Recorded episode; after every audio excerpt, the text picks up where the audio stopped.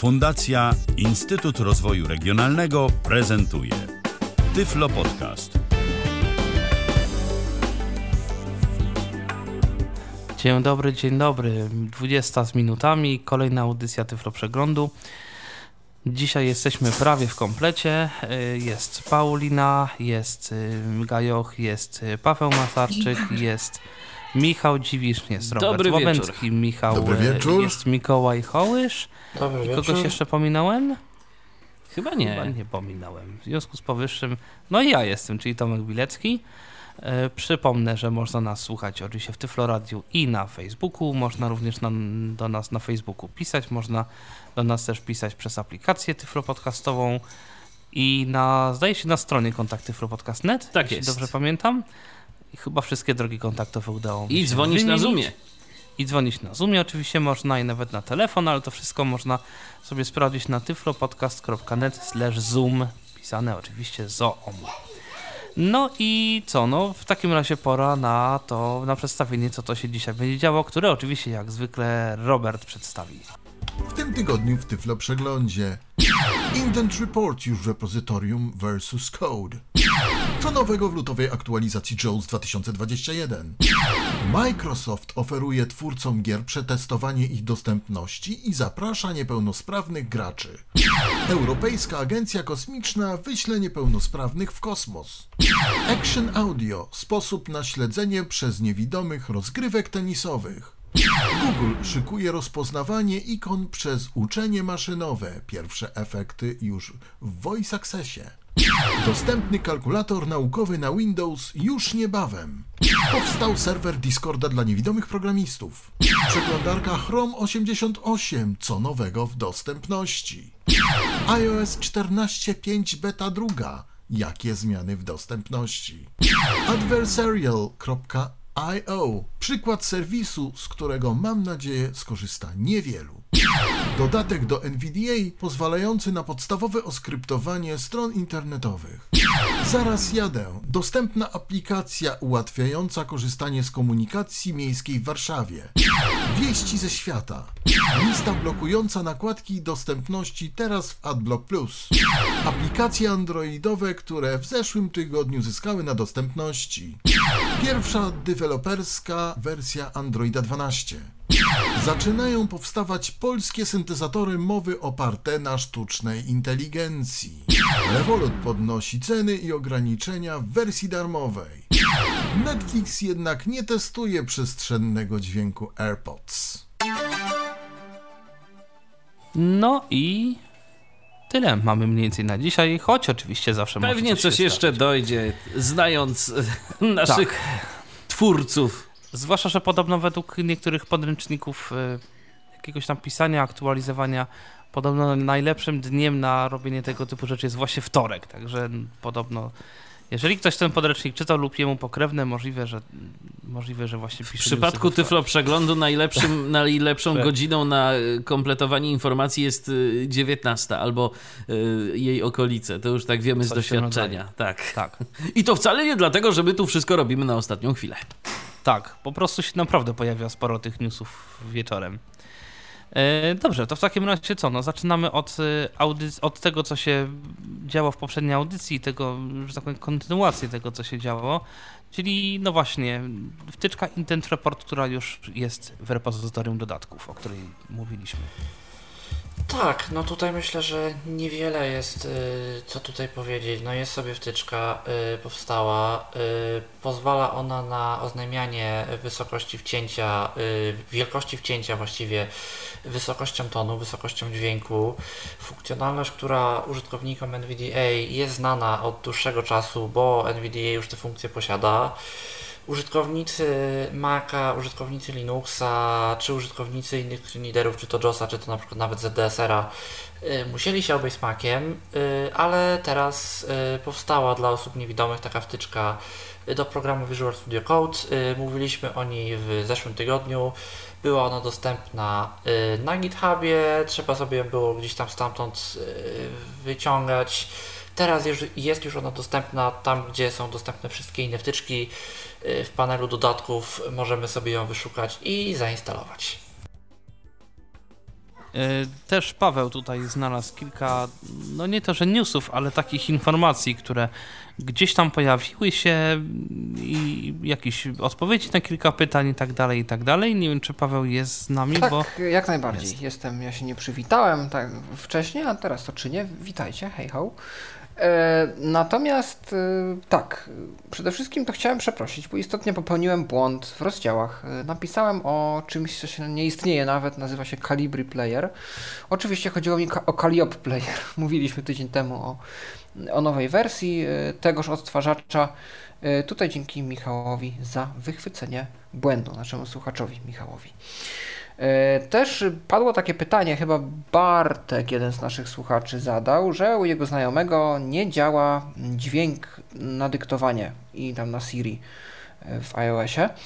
E, Wojtek, również nasz słuchacz, podzielił się taką poradą, że warto by sprawdzić, czy to nie zadziała w ten sposób, że w czasie dyktowania będziemy manipulować głośnością.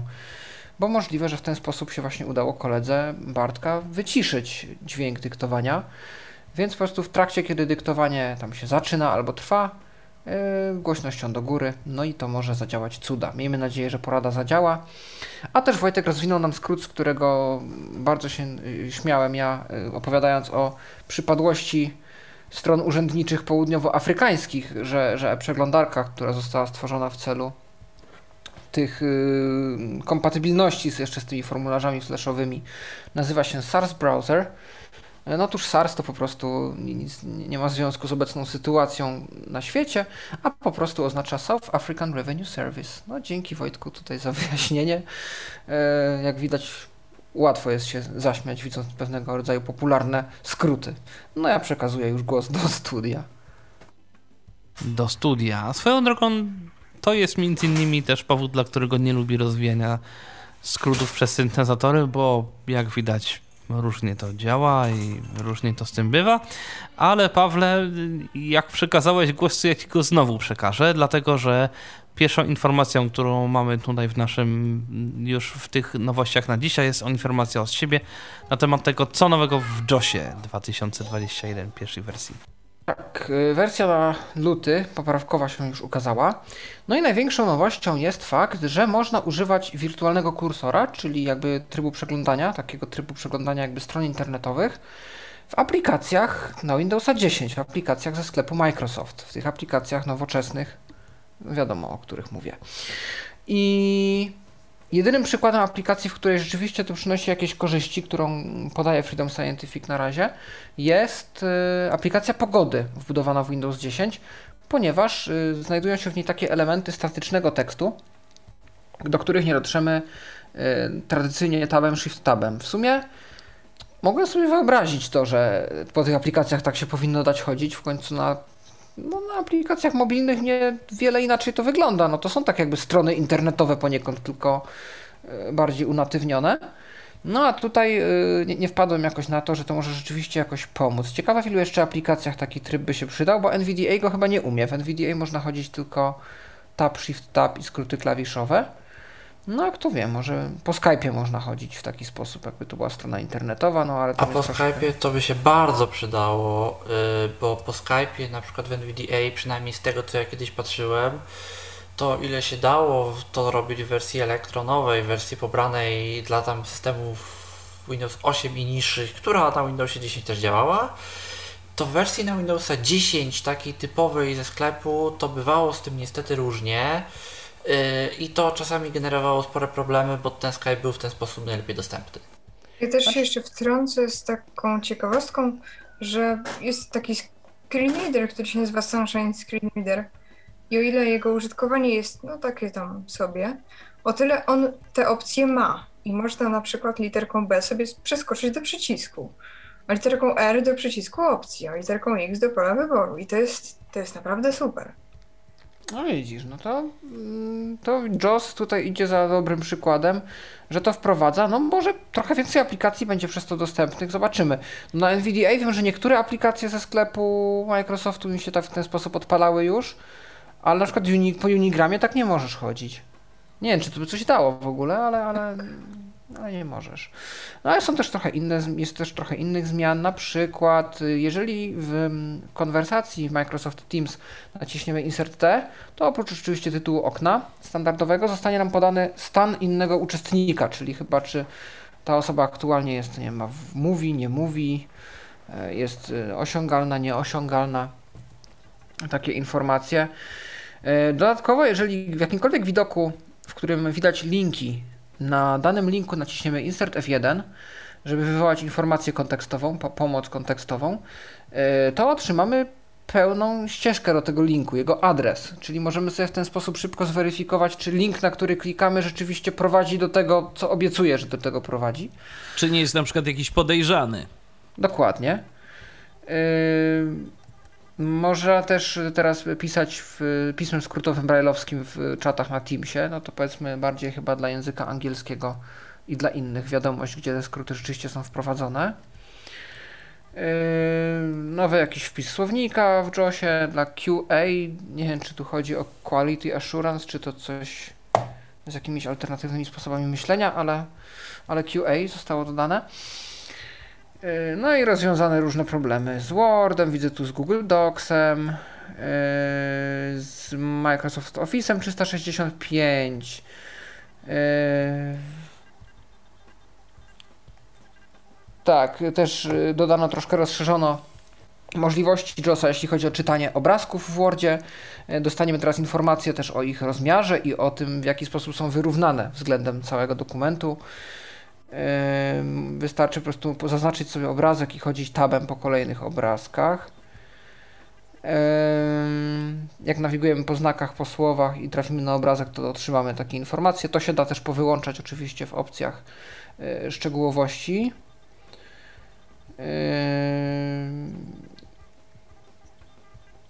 Tak, to jakieś problemy z głośnością podczas nawigowania po Word, dokumentach wordowskich. Mm. No tak, no i, i że tak powiem, yy, to, są, to są w zasadzie te, te zmiany w dużej części. Oczywiście z pełną listą zmian można się zapoznać yy, w linku, który no, on się nie zmienia, więc jeżeli macie ten link z poprzednich naszych audycji, to możecie tam sprawdzić, ale on tak czy siak pojawi się w komentarzu. No jest też nowy, nowy Zoom tekst dla osób, które używają tego oprogramowania. A ja zaglądam na Facebooka, tu jak na razie tylko wypowiedź Bartka, który dziękuję za propozycję e, rozwiązania zgłoszonego przez niego problemu. No, Bartku, daj znać, czy pomogło. O, to w takim razie teraz przenosimy się do świata gier, bo Microsoft, no, na fali podejrzewam tych różnych, tych różnych e, tego teraz zainteresowania się niepełnosprawnymi również graczami, no ma propozycję dla niepełnosprawnych graczy, o której wie Paulina. Zgadza się. Podejrzewam, że to nawet nie jest news jako taki, bo już jakieś 6-5 dni temu e, informacja okrążyła większe portale technologiczne. E, także mam wrażenie, że już co niektórzy mogli o tym poczytać. Natomiast dla tych, którzy jeszcze o tym nie wiedzą, no to Microsoft e, chciałby połączyć świat niepełnosprawnych i, i świat gier, oferując e, porównanie obecnego stanu jakby gry, która ma być wypuszczona, z, e, ze wskazówkami do tworzenia dostępnych gier, które jakby są udostępnione dla deweloperów gier na Xboxa i PC. Nie mam informacji na temat tego, jak się można zgłosić i podejrzewam, że i podejrzewam, że niełatwo będzie takie informacje znaleźć, ponieważ jest możliwe, że Microsoft sam e, rekrutuje ludzi na przykład z fundacji Able Gamers, ponieważ e, wcześniej już były jakieś projekty, które łączyły te, te dwie organizacje. Natomiast nie znam też ceny e, takiej usługi, ponieważ każdy projekt otrzymuje swoją własną cenę, ponieważ no wiadomo, jedna jest gra większa, druga jest mniejsza. No i też y, z takich informacji pobocznych została wydana nowa, y, został wydany nowy zestaw tych wskazówek, które y, pomogą stworzyć dostępną grę na Xboxa i PC, więc kto wie, może za jakiś czas doczekamy się jakichś nowych, interesujących premier. To się zgadza. A teraz Paweł powie, kto i kogo wyśle w kosmos. Właśnie, to już myślę, że tu możemy powstrzymać się od żartu, że nawet Unia Europejska chciałaby już wysłać niepełnosprawnych w kosmos. Aczkolwiek to poniekąd prawda, tylko w trochę innym znaczeniu, w tym bardziej dosłownym, bo rozpoczyna się proces rekrutacji przez ESA, European Space Agency, Europejską Agencję Kosmiczną. Pierwsza rekrutacja od 11 lat nowych astronautek i astronautów. Y, która zakończy się chyba w październiku 2022, czyli no, czasu jest jeszcze trochę. I jest y, cel Mars i Księżyc. I jest też nowy pomysł na to, jak tą rekrutację przeprowadzić. Y, ma być więcej pań w załodze, bo przyznano, że spośród 560 zdaje się osób, które kiedykolwiek poleciały w kosmos, tylko 65 to były kobiety. E, z czego 51 to Amerykanki, no a sama Europejska Agencja wysłała w kosmos tylko dwie kobiety, więc chcieliby to zmienić, no i zachęcają panie również do aplikowania.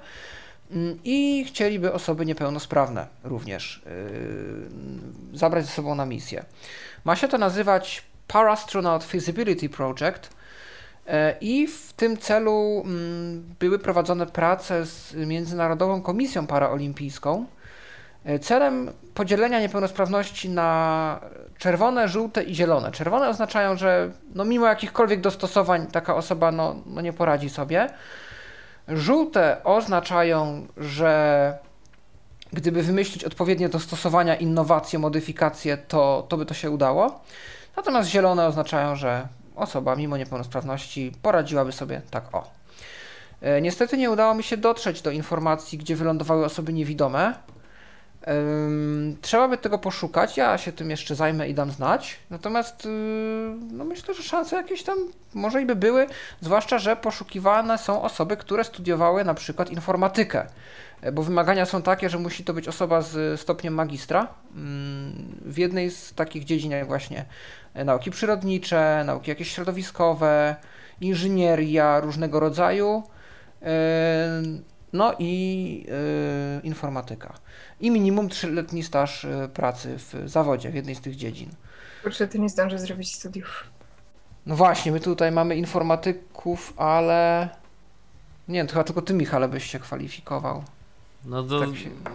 ciężko będzie robić tyflo przegląd z kosmosu, tak coś się obawiam. No nie, no może jak Mazi, jak Łazik, Łazik Perseverance ma w tym momencie jakiś poinstalowany kontakt internetowy z Ziemią ma, no to, to pytanie to, to jak wiesz, pytanie jak wyszło, szybko, no. jak szybko te informacje są przekazywane. Ja się tego trochę obawiam.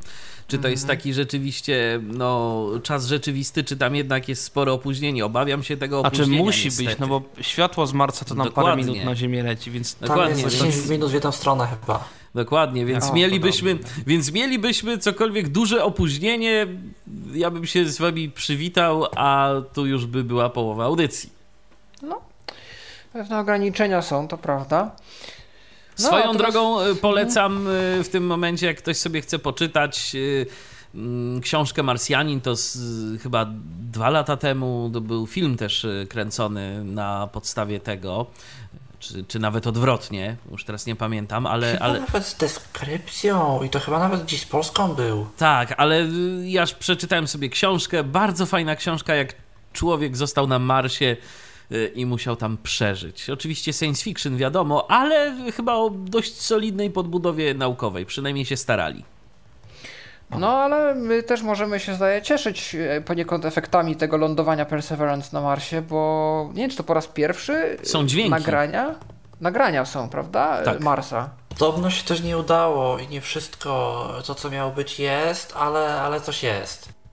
Ale to są nagrania robione jakby rzeczywiście mikrofonami, czy to jest po prostu tak. sonifikacja procesu? Nie, nie, nie, mikrofony, mikrofony. Z tego co wiem, to mikrofony. No to właśnie ciekaw jestem, czego ja słuchałem, bo ja słuchałem jakiegoś nagrania, które było takim... Y, my to chyba, Paulino, słuchaliśmy na Team Talku. Jak to byśmy określili? Że to brzmiało tak, jakby ktoś co robił? Kosił trawę? Nie. Yy, odkurzacz włączył? Jakieś takie specyficzne były te odgłosy, tylko że potem doszła do mnie informacja, że któreś odgłosy, które krążyły, to był fake, a dopiero potem NASA wrzuciło link jakby oficjalny na swoją stronę z nagraniami. Więc nie wiem, czego ja słuchałem, ale wysłuchaliście tych nagrań? Ja jeszcze nie, szczerze powiedziawszy. Okej, okay, no to... Ja jeszcze, nie, ja jeszcze nie dotarłem. Wiem, że są, ale nie miałem jakoś jeszcze... Tak, też słyszałem, ale ostatnio trochę miałem mniejsze możliwości. Jasne.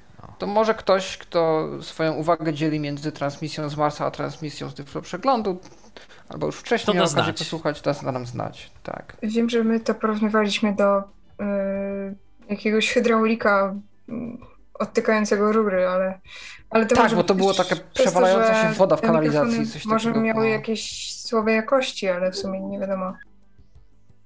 Tak, bo to było takie ból, ból, ból, ból, ból, ból, takie, takie właśnie kanalizacyjne odgłosy bardzo.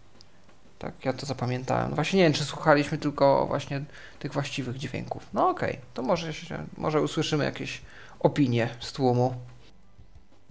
Tak. Pozostaje, może nie to, że pozostajemy, ale ostatnio jakoś sporo tych newsów takich około rekreacyjnych się nam zrobiło i teraz też jest taki news y, na temat powiedzmy śled sposobu śledzenia rozgrywek tenisowych dla niewidomych. Michał znalazł tę informację. Tak jest. Y, to jest nowa technologia, która została w tym roku po raz pierwszy wykorzystana przy okazji Australian Open.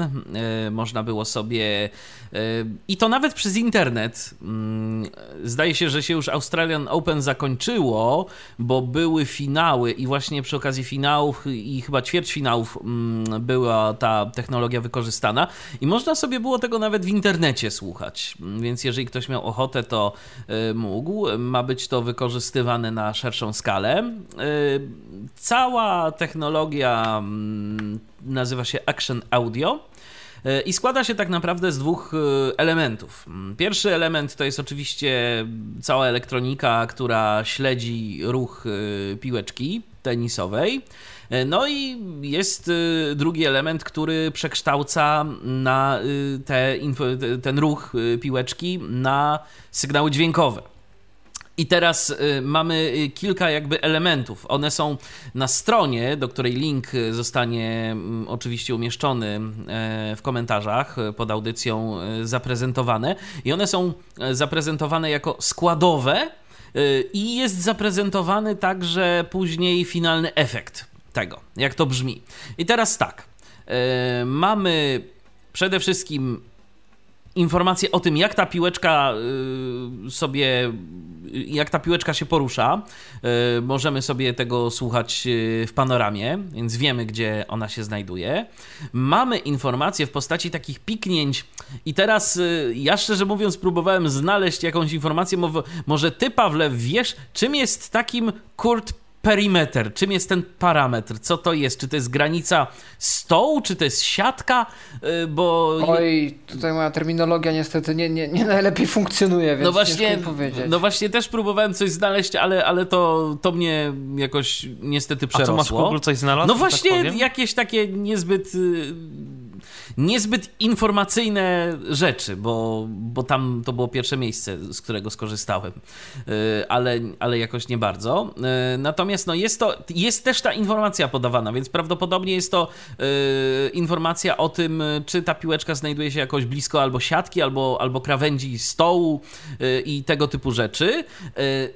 Po, słyszymy też, jaki ruch jest wykonywany. Czy jest to forehand, czy jest to backhand.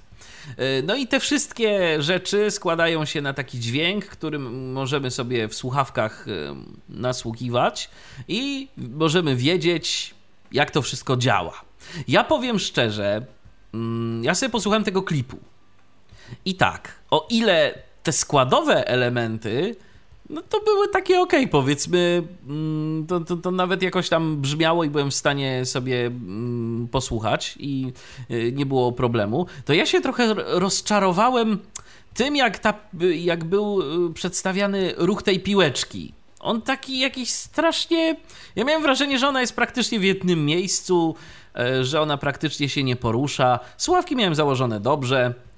E, te pozostałe dźwięki też słyszałem, więc wiedziałem, co tam się dzieje, ale jakoś ten ruch tej piłeczki mnie niespecjalnie mm, zaskoczył. W tym y, pierwszym klipie w którym ta piłeczka jakby sama się porusza jest to zaprezentowane, brzmi to zdecydowanie lepiej niż później brzmiało to na żywo, bo e, na stronie e, jest zaprezentowany jakiś tam fragment meczu tenisowego. Także można sobie tego posłuchać.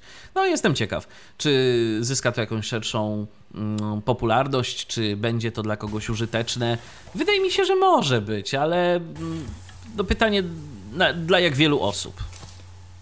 Ale też z tego co wiem, y, nie mówię, że zawsze, ale bywają takie sytuacje, podobno, y, właśnie gdzieś tam ostatnio się taka dyskusja pojawiła, że y, na meczach tenisowych mikrofony są ustawione tak, że jeden przeciwnik znajduje się po stronie lewej, za to drugi przeciwnik znajduje się po stronie prawej. Y, czasami te mikrofony są ustawione na przykład gdzieś za kortem z jednej strony albo z drugiej i wtedy no obaj przeciwnicy są jakby na środku lub obie przeciwniczki y, i mamy spory problem, ale jeżeli są w stereo, to podobno y, da się całkiem nieźle. Warunek jest jeden, musimy mieć sposób na to, żeby odebrać żeby odebrać dźwięk z meczu tenisa w słuchawkach co nie zawsze jest takie proste, biorąc na przykład pod uwagę, że to jest najczęściej w telewizji na kanałach kodowanych yy, i nie zawsze wiemy, jak to zrobić, żeby to było legalne i żeby to było dostępne u nas w komputerze. Yy, I żeby na przykład nie blokować yy, osobom widzącym telewizji, bo w tym momencie, jeżeli wepniemy my słuchawki do gniazdka, to osoby widzące nie będą słyszeć nic. Więc to jest ewentualna przeszkoda, którą, którą gdzieś tam musimy umieć przeskoczyć. To w takim razie schodzimy z tematów rekreacyjnych. No i cóż, rozpoznawanie tekstu działa i cał, działa całkiem nieźle. Rozpoznawanie obrazków, no czasem działa. No trzeba coś wprowadzić nowego i Google wprowadza rozpoznawanie ikon. O czym Paweł? Technologia IconNet, o której właśnie mowa, y, na ten moment funkcjonuje już ponoć w najnowszej wersji aplikacji Voice Access. Voice Access to taka aplikacja Google mm, dla osób z różnego rodzaju niepełnosprawnościami motorycznymi, która pozwala na sterowanie telefonem za pomocą komend głosowych. Ta aplikacja nigdy nie działała specjalnie dobrze z talkbackiem y, w połączeniu. To się jakoś zawsze tam gryzło, nie do końca było to jakoś wygodne. Natomiast y, wspomniałem o tym dlatego, że bardzo ciekawy jest tam opis techniczny tego, jak to działa i jakie to może mieć implikacje y, dla nas w przyszłości. Bo stworzono model, który dzięki właśnie z jednej strony właśnie określaniu różnych właściwości obrazków i elementów na ekranie, a z drugiej strony uczeniu maszynowemu, y, potrafi rozpoznawać ikony na ekranie. Y, analizuje sobie obraz, widzi elementy o konkretnych kształtach i wielkościach i jest w stanie nakreślić y, te granice między elementami aplikacji, tak jak robią to serwisy dostępności. No bo jak się nawiguje gdzieś tam screen readerem, to nawet widać na ekranie te takie podziałki, te osoby widzące widzą, gdzie ten fokus nasz przeskakuje, więc on widzi, że ten element Mm, no on się jakoś tam konkretnie nazywa w kodzie, ale on jednocześnie jest obrazkiem, który zajmuje taką a taką część ekranu i ja go wtedy otaczam ramką, a jak y, użytkownik niewidomy wykona gest, to przeskakuje na kolejną, kolejny jakiś tam obszar ekranu powiedzmy, na którym jest kolejny obrazek jakiejś tam wielkości, jakiejś proporcji. Zaczyna się on tu i kończy tu i to jest ten obszar, którego dotyczy aktualnie to, że mam podświetloną jakąś tam ikonę. No i normalnie to jest gdzieś tam podefiniowane przez programistów w kodzie, a Google tworzy właśnie takie rozwiązanie, które no, ma działać szybko, ma być skuteczne i ma rozpoznawać takie najpopularniejsze typy ikon. No bo co by nie mówić, ponoć jest skończona ilość kombinacji ikon w aplikacjach, aczkolwiek kreatywność ponoć yy, jest nieograniczona. I ten algorytm uczy się rozpoznawania tych ikon, żeby właśnie w takiej sytuacji, w której programistka lub programista nie zadeklarowała lub Y, nie zadeklarowali oni tychże parametrów, no to trzeba po prostu to zgadnąć. Czyli zrobić taki, nie do końca OCR, ale takie jakby rozpoznawanie ekranu no właśnie, tutaj trochę już nawiązałem do tego, co ma iOS, tylko iOS trochę inaczej, bo tam właśnie jest sztuczna inteligencja, która Czyli poszukać OCR... czegoś do wzorca, tak, spróbować dokładnie. dopasować. Tak. No i na ten moment ten wzorzec rozpoznaje 31 typów ikon, ale ma się to ponoć powiększyć. Nie wiem, czy do 70 paru coś, coś widziałem. W każdym razie ma tych typów być dużo, dużo więcej. No i na tej podstawie ma usługa dostępności, w tym przypadku na ten moment Voice Access, wiedzieć yy, co jest gdzie i co jest ikoną, a co nią nie jest i w co można kliknąć i co jak przeczytać o sobie albo w jaki sposób wejść w interakcję. Yy, no to jest też z przeczytaniem, to jest inna sprawa, bo chociaż nie, nie do końca, bo w Voice Accessie osoba używająca tej aplikacji musi no, wywołać yy, też komendą głosową konkretną ikonę według jej nazwy, więc ten tekst musi być też tam rozpoznany. No, ale ja jestem już ciekaw, yy, czy to zostanie dalej pociągnięte na przykład do talkbacka na jakimś etapie, czy nie. No, myślę, że byłoby to ciekawie i jest to też w jakiś sposób na pewno no, interesująca odpowiedź na rozpoznawanie ekranu w iOS 14. A tymczasem na Facebooku y, Mikołaj y, podrzucił adres do swojej strony internetowej. Y, jeżeli macie ochotę w szybki sposób posłuchać, dotrzeć do tych dźwięków łazika marsjańskiego, no to a11y.report i tam wystarczy poszukać artykułu Dostępność dotarła na Marsa. Tam znajdziecie również dźwięki. Znajdziemy również dźwięki. A Paulina znalazła kalkulator naukowy, który ma się niedługo pojawić i być dostępny dla niewidomych. Widziałam dzisiaj taką prezentację od um, Natantecha, który pokazywał, znaczy przedstawiciel tej organizacji pokazywał aplikację na Windows, która ma być dostępnym e, kalkulatorem naukowym jako, że to jest kalkulator naukowy, no to wiadomo, mamy potęgi, pierwiastki, różne inne rzeczy. E, nie udało mi się do końca zorientować, ale mam wrażenie, że to jest jakiś taki własny typ kontrolek, więc, więc obawiam się, że osoby widzące będą mogły mieć problem, gdybyśmy chcieli pracować z, załóżmy razem. Natomiast e, ten kalkulator się różni tym od Windowsowego, że jest bardziej konfigurowalny, że łatwiej się wpisuje różne działania matematyczne, które chcielibyśmy wykonać. Tam jest tak, że na przykład jak wpiszemy mm, mamy odczytywane znaki i jak napiszemy równa się, no to wtedy jest też odczytywany wynik. Nie ma tego, mm, brzydko mówiąc, spamu Y, typu wyświetlona wartość to ileś tam, wyświetlona wartość to ileś tam, tylko dopiero wtedy, jak napiszemy równa się po y, zakończeniu działania, to wtedy mamy wynik. Jest to aplikacja, która jeszcze nie jest dostępna do pobrania, y, ale jej demonstracja została już wykonana. Będzie link w komentarzu i też jakby ta organizacja na Dantech jest otwarta na jakieś sugestie, zgłoszenia, mm, zanim aplikacja zostanie wydana. Natomiast jeżeli aplikacja ujrzy światło dzienne, to też podzielę się linkiem. E, dwie takie ciekawostki. E, po pierwsze, ciekawostka e, jest sobie kalkulator, który się nazywa Desmos, o którym zresztą robiłem kiedyś podcast, który to jest jak na moją wiedzę w obecnej chwili chyba jedynym dostępnym w internecie narzędziem, który za darmo pozwala osobom niewidomym zapoznawać się z wykresami. Bo on te wykresy przedstawia w sposób dźwiękowy, robi to samo, co robiły mówiące kalkulatory graficzne dostępne w Stanach za dolarów kilkadziesiąt, plus przystawka za dolarów kilkaset, y, tylko że on robi to za darmo. Y, ja szczerze mówiąc korzystałem i podejrzewam, że jeszcze nieraz będę korzystał, bo narzędzie jest całkiem przydatne. Y, ciekawostka polega na tym, że ktoś właśnie na funkcji dostępności, właśnie na funkcji dla niewidomych y, postanowił napisać sobie muzykę i stworzył Odę do radości graną na kalkulatorze dla niewidomych. Y, Co ciekawe, z tego co wiem, osoba, która to stworzyła, niewidoma nie była, ale po prostu zastanawiała się, co ciekawego można zrobić i no, wpadł ktoś na taki pomysł, że właśnie funkcjonalność przeznaczoną dla niewidomych można też wykorzystać y, w sposób nieco inny.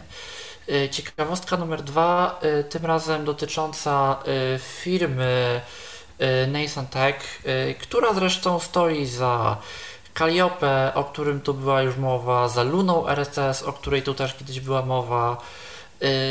Pisał właśnie ktokolwiek stoi za firmą Nathan Tech, Nathan Smith bodajże na Twitterze, że jest w przygotowaniu i to teoretycznie jest nawet dostępny, ale o tym zaraz, y, program kalendarz. Nazywa się to bodajże Antevorta.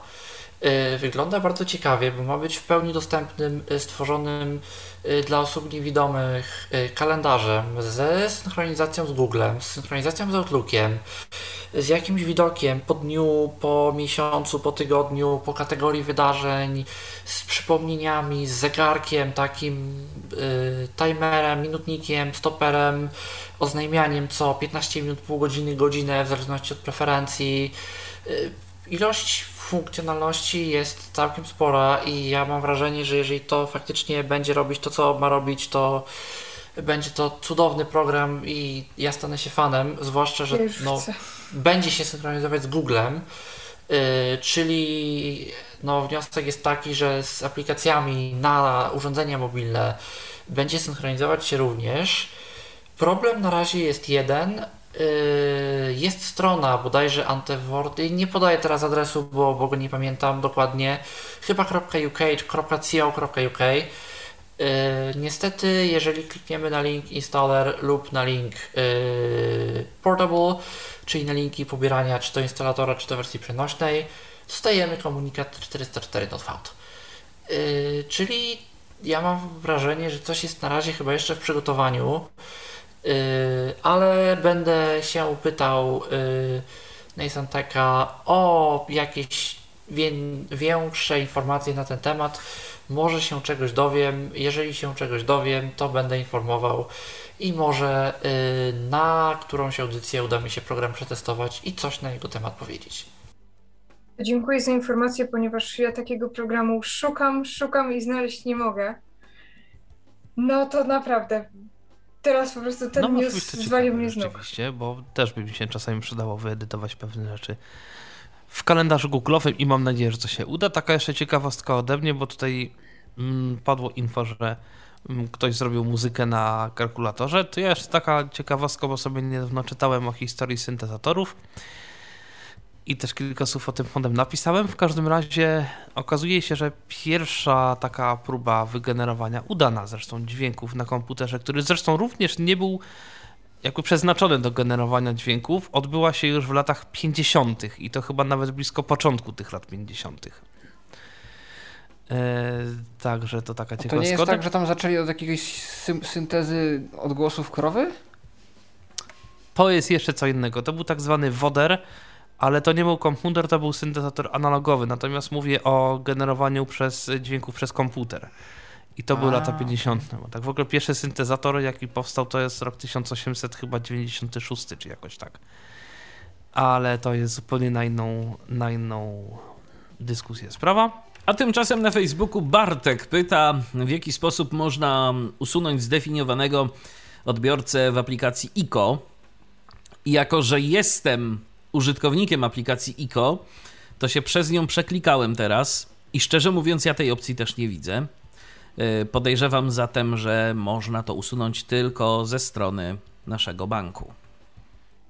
Mikołaj mm, troszkę się ostatnio nagadał, że się tak wyrażę, ale jest znowu wywoływany do tablicy, bo następnym newsem jest ten, którego przygotował na temat serwerów Discorda, kolejnego, który już powstał, tym razem dla niewidomych programistów. Tak, powstał serwer. Mówiliśmy kiedyś o serwerze dla niewidomych y, twórców gier audio. Y, Teraz powstał serwer ogólnie y, przeznaczony dla niewidomych programistów. Link, invite link tak zwany pojawi się w komentarzach y, pod audycją, więc jeżeli ktoś będzie zainteresowany, to tam y, należy się udać. Y, no cóż, na razie jest nas dość mało, bo chyba jest nas 10 osób.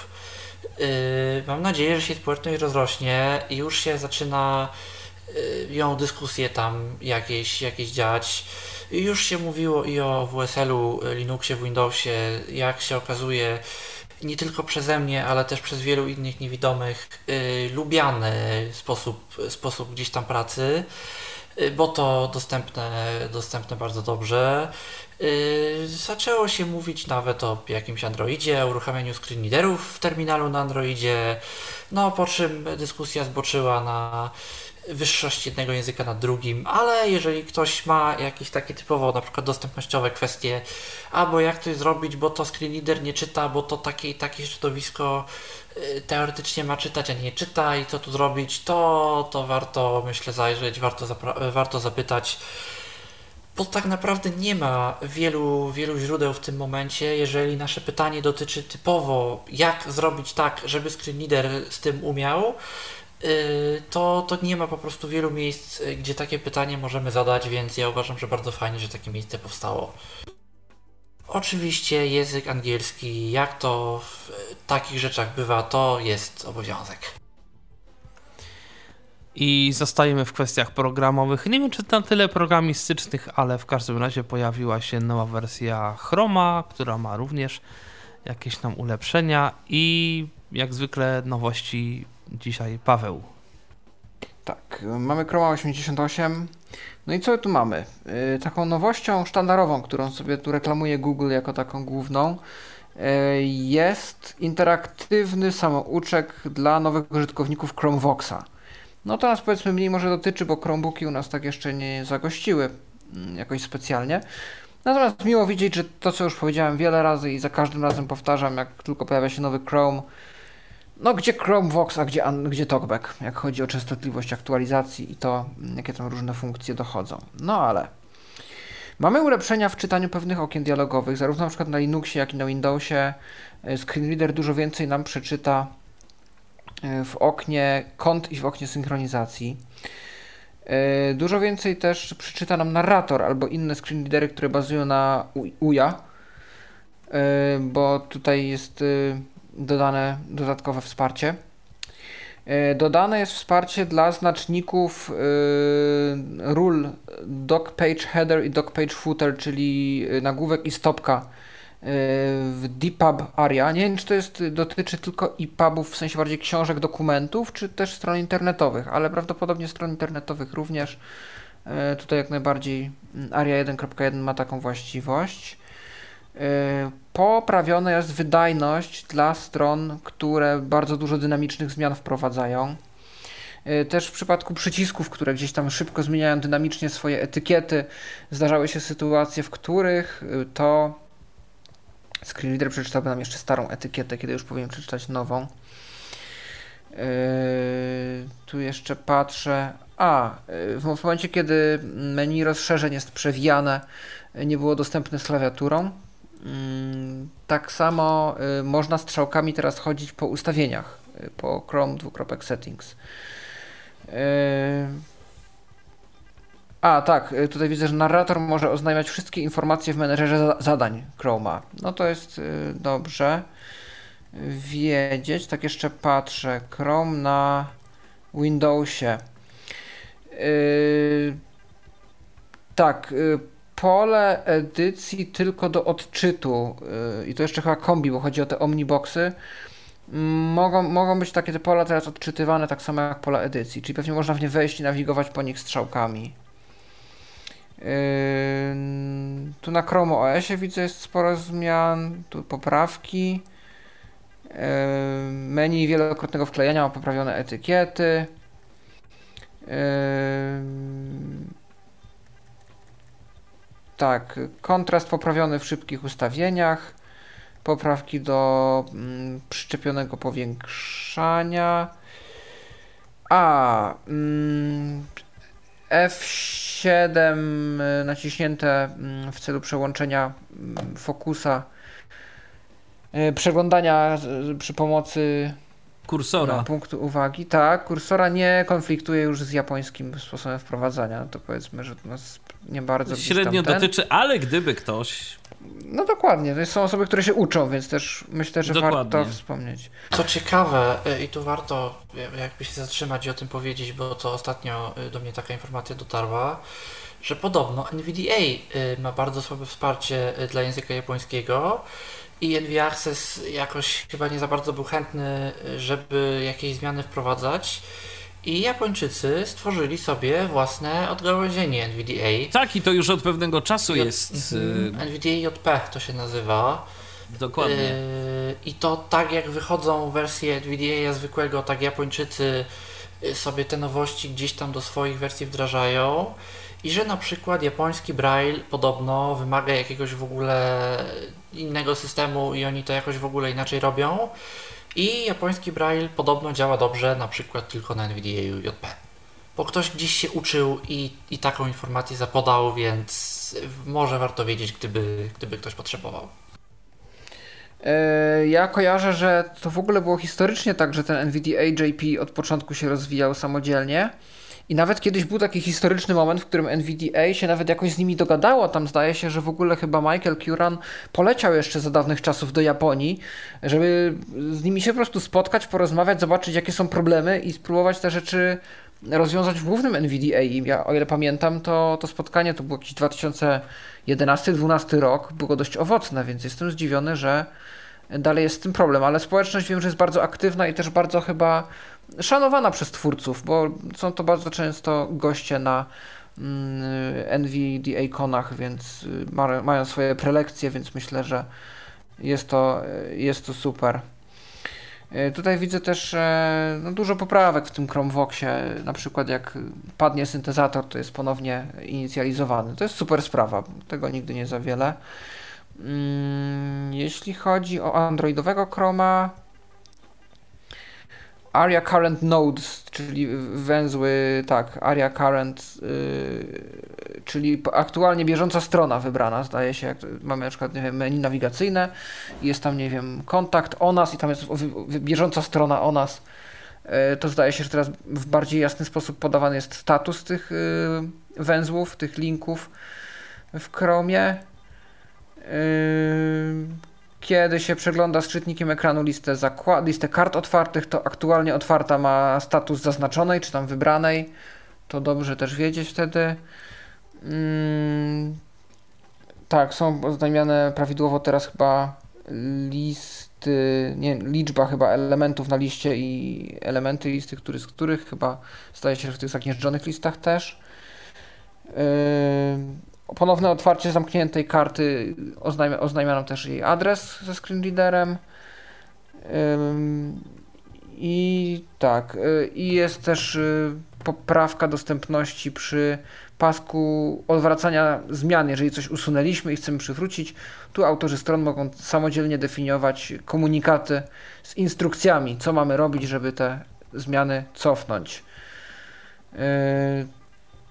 Tak. Yy, no i to jest tyle w sumie chyba z tego, co tutaj widzę. Jeszcze z voice-overem był jakiś p- poprawiony fokus na tekście yy, i inne pomniejsze poprawki. Dużo tego na pewno warto się yy, zapoznać z nowym Chromem, zobaczyć, czy błędy, które, doświadczy, które doświadczyliśmy do tej pory, zostały rozwiązane. Accessibility Scanner to jest aplikacja sprawdzająca dostępność na Androida. I Paulina ma o tej aplikacji kilka informacji. Halo? Ups, czy teraz mnie słychać? Słychać. Przepraszam, miałam problemy.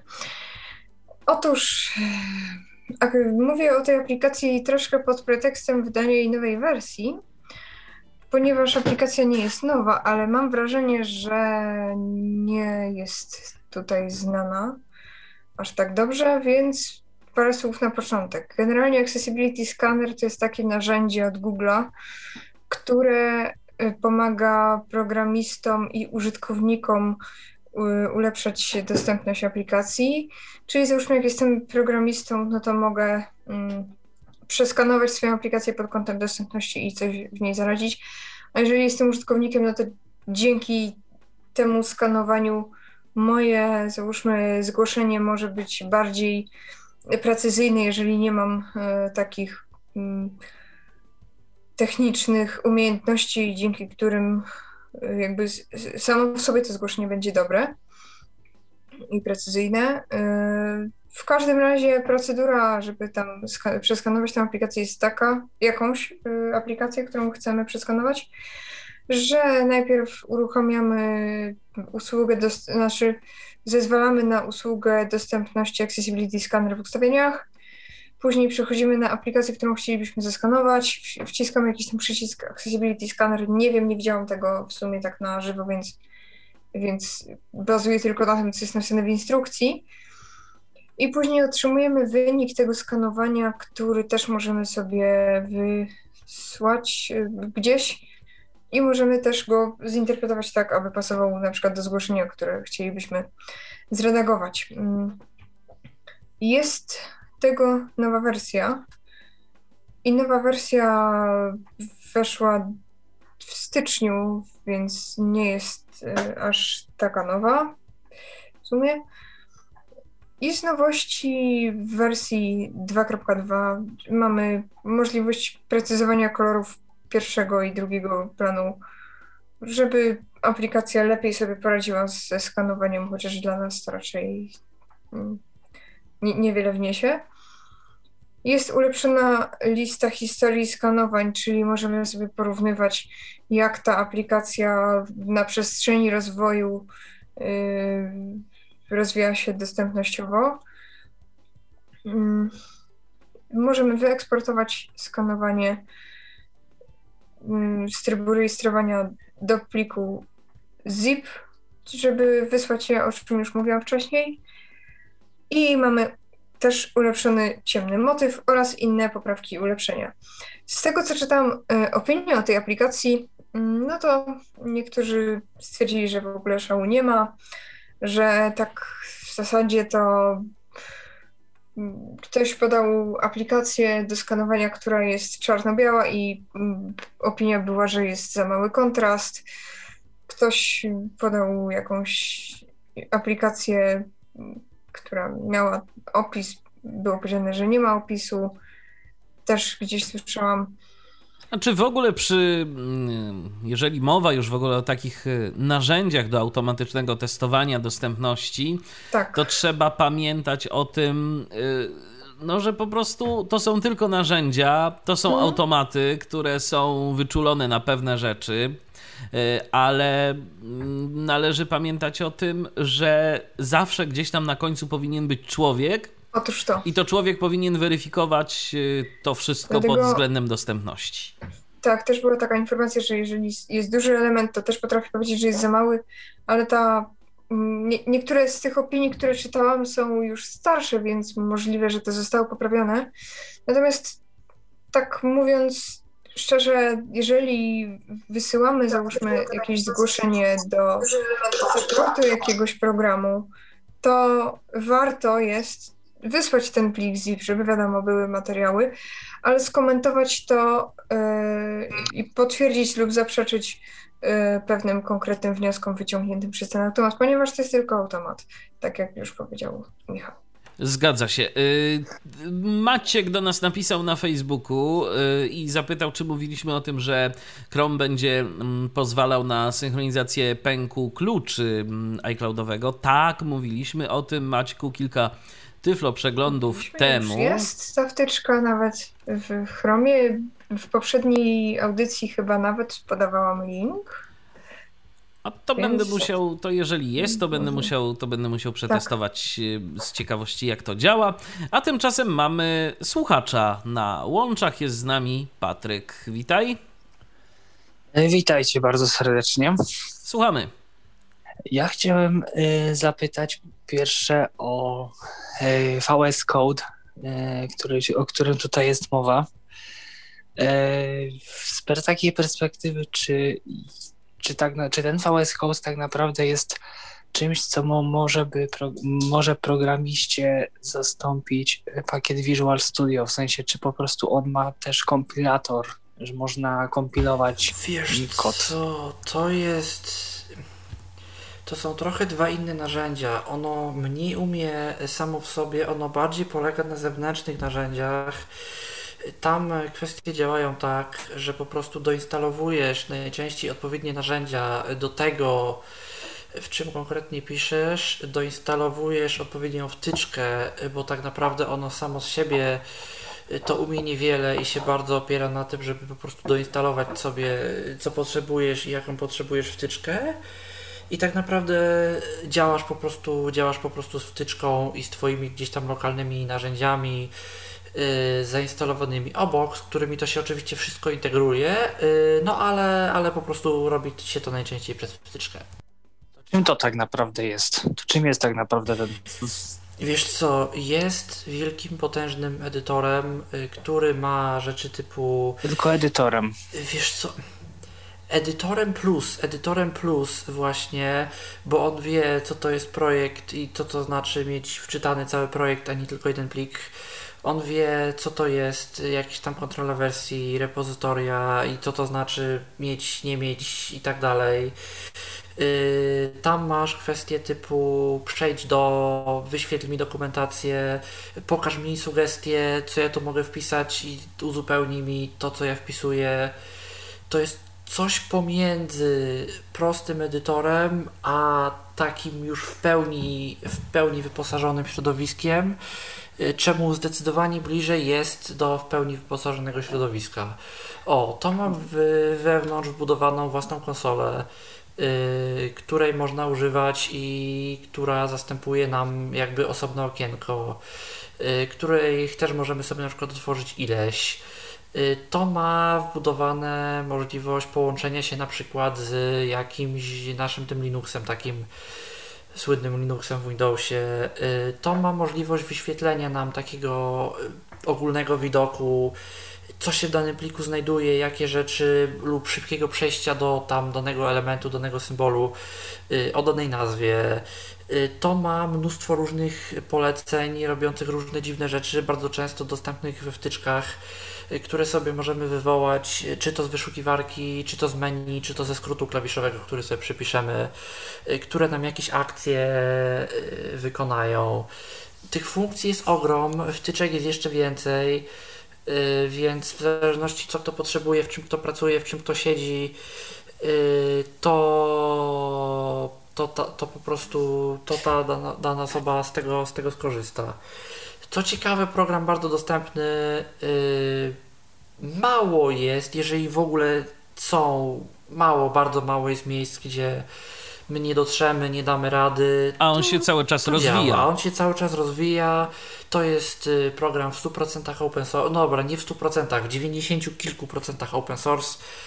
Yy, I twórcy, z tego co wiem, to tam w dostępności też siedzą i chcą, żeby dostępne było, chcą robić tak, żeby, yy, żeby to miało tę dostępność, więc jeżeli coś nie działa, to jest i no, na GitHubie y, repozytorium, gdzie można zgłaszać, zgłaszać issues, zgłaszać błędy. Jest społeczność na komunikatorze Gitter, y, gdzie też można zgłaszać błędy. I, I, z tego co wiem, to osoby są nawet chętne, jeżeli ktoś błąd dostępności zgłosi, to są gotowe na ten błąd odpowiedzieć i, i go poprawić. Niestety przez to, że to są technologie webowe, Y, to jest tam kilka rzeczy, które mogłyby działać. One działają i one są dostępne. My je zrobimy. Y, fajnie by było, gdyby działały trochę lepiej i szybciej, i twórcy to by w sumie chcieli, żeby działały trochę lepiej i szybciej, ale lepiej i szybciej działać, lepiej i szybciej działać niestety na razie nie będą, ponieważ to jest jakieś ograniczenie po prostu technologii webowej i NVDA powie, że oni tego nie zmienią, bo to zepsuje inne strony no i twórcy mogą załamać ręce, ale no jak screen im powie, że nie, to znaczy, że nie. No i nie, nie wszystko da się zrobić, nie wszystko da się obejść.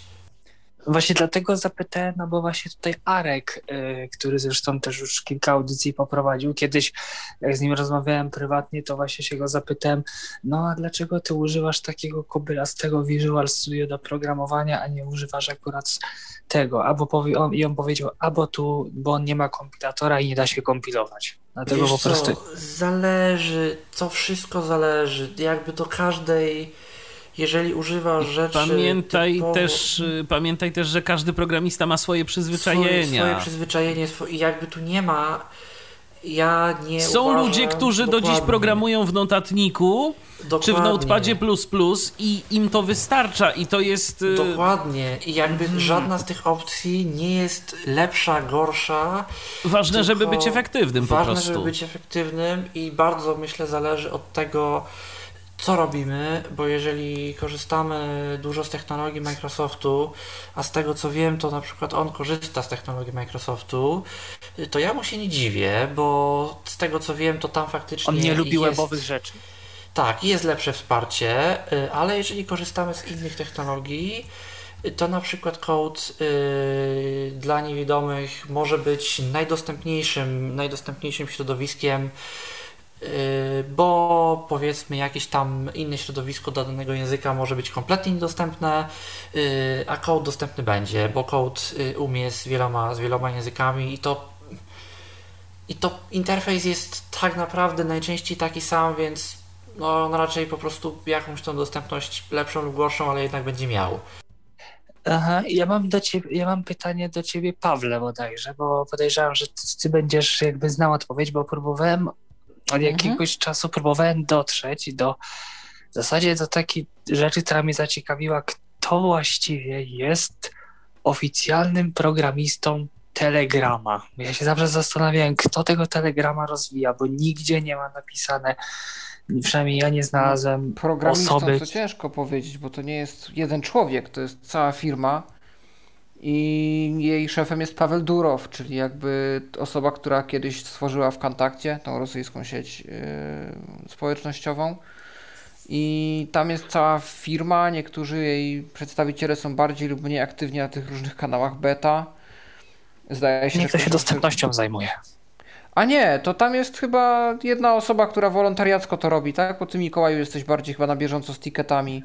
Wiesz co, tak, tylko że ktoś tę dostępność w App Store na przykład zrobił i tak w sumie to nie wiadomo skąd ona się wzięła, Ale kto w to jakim był. mam storze? Ja mówię o Unigramie. Y, no w o, app- przepraszam, ja powiedziałem o Telegramie czy o Unigramie? O Telegramie Telegram powiedziałeś. Przepraszam, A. to ja miałem. Nie, przepraszam, to ja w takim razie się przejęzyczyłem. Ja właśnie miałem na myśli, bo ja wiem, że Telegram to jest firma, ja miałem na myśli Unigrama.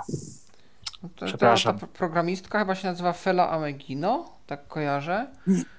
I jest to osoba aktywna na swoim własnym kanale. Jest chyba kanał na Telegramie Unigram Dev czy, czy Unigram. Co, jest, jest grupa.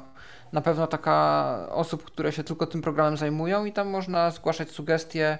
Nie tylko ona go robi, tam, tam jest chyba kilka No osób, to jest które, open source, więc wiesz, każdy bo tam może jest dostępność. Więc zastanawiam się, czy to jej jakby Tak, dział to jest chyba jej inicjatywa, bo to było do niej zgłaszane i chyba to podjęła w końcu. Nie wiem, czy ona osobiście, ale zdaje się, że tak. Mhm, No bo po prostu nigdzie nie umiałem tego znaleźć właśnie, kto za to odpowiada, tylko Nie, to chyba jest jej inicjatywa własna. Bo tam nie było wiele do roboty, bo jakby Unigram w takim stanie, w jakim ja go na przykład zostałem, zanim zacząłem zgłaszać rzeczy, to był taki, że on, po nim się dało chodzić, ale elementy nie miały podpisu, więc on tam czytał, wiesz, XML description, coś tam, coś tam. A ona potem podawała temu wszystkiemu etykiety i to zaczęło jakkolwiek być używalne. Więc... Gdzie można zgłaszać jakieś, jakieś na przykład y, błędy związane z tym Unigramem w tym kanale? Tak, na tej grupie, na GitHubie jest tych kanałów co najmniej kilka. Nawet myślę, że z samą autorką można wejść, jak ją wyszukasz sobie na jej grupie telegramowej i wejdziesz z nią w konwersację jakąś prywatną z konkretnymi sugestiami, to chyba ja odpisywałem. Jaka to jest narodowość? Rosyjska? Włoszka chyba. Ale po angielsku spokojnie się dogadasz. Nie ma problemu. Okej. Jeszcze tak chciałem, jeszcze chciałem y, zgłosić y, problem z Tyflo Podcastem, a mianowicie już mówię gdzie. Jest taka aplikacja mobilna Downcast i tam zauważyłem problem tego typu, że podcasty się nie aktualizują bodajże chyba od grudnia albo od stycznia i nie wiem z czego to wynika, co tam nie działa, z czego korzysta Downcast, bo y, w Google Podcast jak najbardziej wszystko działa, natomiast Downcast tam w ogóle jest stary przegląd jeszcze i to się w ogóle nie aktualizuje. Y, to nie wiem, Michale, no to postaramy to? się zbadać sprawę, tak? Ja szczerze mówiąc, Czy to Downcasta, RSS może? Ja Downcasta nie używam. Tam kiedyś były problemy z RSS-em Tyflo Podcastu. Rzeczywiście teraz y, jest z tym spokój, ale być może znowu coś do nas y, niefajnego wróciło w tej kwestii. No w każdym razie dzięki za informację, zobaczymy co da się zrobić. Natomiast takich newsów mówiłem jakiś tam, nie wiem, miesiąc temu o chińskiej grze y, Mystic World, która była jako beta publiczna no to od dwóch tygodni niespełna już jest wersja oficjalna. E, kto by sobie chciał zagrać, nie jest jeszcze przetłumaczona, więc e, trzeba sobie kopiować tekst. Tylko należy pamiętać, że żeby działały e, skróty screenera, to należy po włączeniu gry sobie tego screenera zrestartować, bo on jakoś tam przechwytuje klawisze w taki sposób, że po prostu skróty screenerów nie chcą nam działać ale jest, y, można sobie wszystko, można sobie wszystko tłumaczyć. Jest bardzo dużo, mogę powiedzieć, mm, klas do wyboru. Jest nawet Wiedźmin. Co ciekawe, można sobie zagrać Wiedźminem, bo to jest RPG, tak przypominałem, RPG sieciowe. Jest przetłumaczone bodajże jako e, Wizard Man i Wizard Woman, chyba tak to w, tak to jest tłumaczone z chińskiego, ale nawet jest Wiedźmin, tak można sobie zagrać Wiedźminem, jeżeli ktoś lubi klimat. Autor ma duże plany, także przetłumaczone to będzie na pewno. Na razie jest kopiowalne wszystko, także można sobie e, zagrać. Kto chce na AudioGames.net, forum AudioGames.net, tam warto zajrzeć, bo tam jest w zasadzie wszystko, co potrzebujecie. Okej, okay, Patryku, czy coś jeszcze? Czy to już tyle? Mm, to już tyle. Dobra, to dzięki za telefon. Pozdrawiamy Cię serdecznie. Do usłyszenia. E, a tymczasem zaglądam do naszych e, mediów społecznościowych, bo piszecie do nas, co bardzo cieszy. I tu mam takie dwie informacje. E, Maciek napisał, że Chrome dla iOS jeszcze w wersji beta, co prawda, ale już wnosi zabezpieczenie prywatnych kart za pomocą biometrii. Fajna sprawa. A teraz e, dwie informacje od Krzysztofa. E, który napisał do nas tak. Po pierwsze, w ostatnim czasie pojawiła się aktualizacja klienta poczty na Androida, Microsoft Outlook i nareszcie ten według mnie ciekawy klient maila jest używalny z talkbackiem. Wcześniej przy wykonywaniu gestów prawo na liście maili yy, ekran się nie przewijał i użytkowanie aplikacji było bardzo utrudnione. Teraz przewijanie ekranu działa. No, powiem szczerze, ja bez Outlooka to sobie życia takiego, jeżeli chodzi o pracę, e, to w tym momencie nie wyobrażam, albo przynajmniej jest to bardzo, mi wyobraźnia bardzo musi, e, musi pracować, bo Outlook jest no, no dobrodziejstwem, jeżeli chcemy być powiadamiani o mm, ważnych mailach, jeżeli sobie tę skrzynkę odbiorczą odpowiednio skonfigurujemy, to jest naprawdę super sprawa.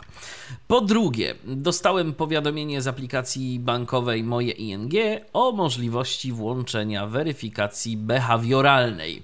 Na razie jest to opcja dobrowolna i polega na tym, że serwer ING uczy się e, w jaki sposób używamy aplikacji i w zależności od tego jak jest aplikacja używana i czy wykryje zmiany w jej użytkowaniu podejmuje dodatkowe działania weryfikujące.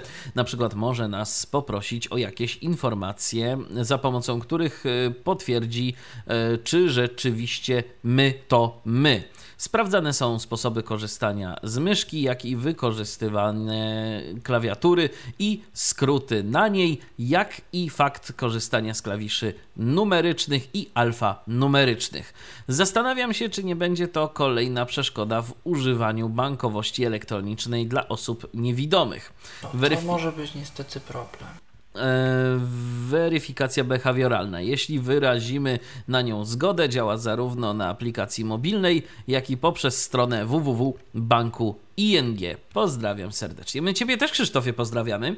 I tu poruszyłeś e, bardzo interesujący temat dotyczący tej weryfikacji behawioralnej. No wiecie, teoretycznie to wszystko zależy, jak to będzie badane i jak to będzie sprawdzane, ale rzeczywiście ja sobie jestem w stanie e, no, zdać sprawę z tego i jestem w stanie uwierzyć, że jakiś użytkownik, na przykład, który korzysta z bankowości tylko za pomocą komputera i będzie miał włączoną tę um, weryfikację behawioralną i będzie to użytkownik pracujący tylko za pomocą klawiatury, to może zacząć budzić podejrzenia, że to nie jest użytkownik typowy.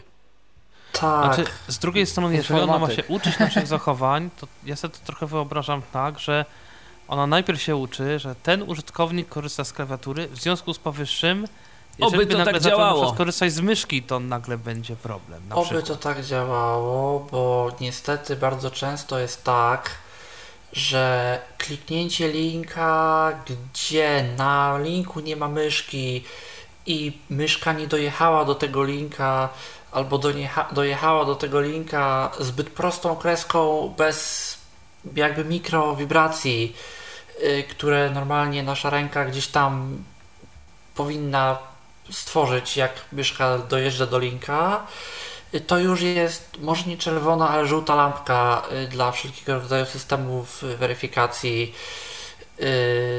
No czy chociażby recaptcha googlowska, która z tego co wiem y, osobie niewidomej statystycznie częściej może y, wyświetlić komunikat, że proszę się tutaj zweryfikować, bo ona właśnie też, nie wiem czy jeszcze bierze, ale na pewno brała pod uwagę właśnie sposób korzystania z myszki i czy te nasze ruchy były takie robotyczne, czy te nasze ruchy były takie ludzkie, a jeżeli ich w ogóle nie było, to, to byliśmy też klasyfikowani gorzej w tej hierarchii oszust, nie oszust, więc no to można zrobić dobrze, ale się zastanawiam, czy to dobrze zrobione będzie.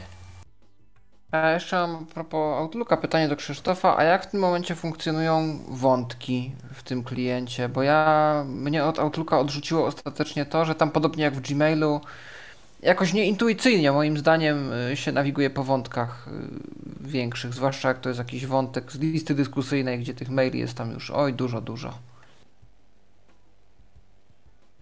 To w takim razie przechodzimy znowu do wątku takiego z nowościami, ale tym razem nie Paweł, tylko Mikołaj opowie, co nowego w najnowszej becie iOS-a. To jest tak, y, poprawiono problem z linijkami brailleowskimi podobno.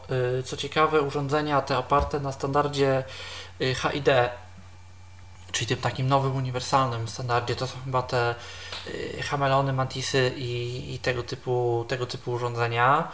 Łączą się podobno bardzo szybko i że jak już to poprawiono, to już to tak poprawiono, że żadne urządzenia brailleowskie się nigdy tak szybko nie parowały, jak parują się teraz y, Chameleony i Mantisy. Y, Nie ma problemów już z klawiaturami Bluetooth, a podobno jakieś były. Y, Nie ma też. Yy... Prawdę, zerknę sobie. Mm, A, jest. Tutaj mam. O, przepraszam. Y, Jest jeszcze problem, który był i który pozostał y, z monitorami brailleowskimi, jeżeli chodzi o przewijanie stron. Y, Bo no, ten problem występuje w aplikacjach i to w wielu aplikacjach, y, które służą nam do czytania książek, e-booków, y, czy to Voice Dream, czy to Amazon Kindle na przykład, że od kilku wersji iOS, od bodajże od 14.4, y, jeżeli czytamy sobie książkę na monitorze brailleowskim, to nie przewija nam się automatycznie strona, tylko jeżeli za daleko przewiniemy, to musimy sobie tę stronę przewinąć ręcznie.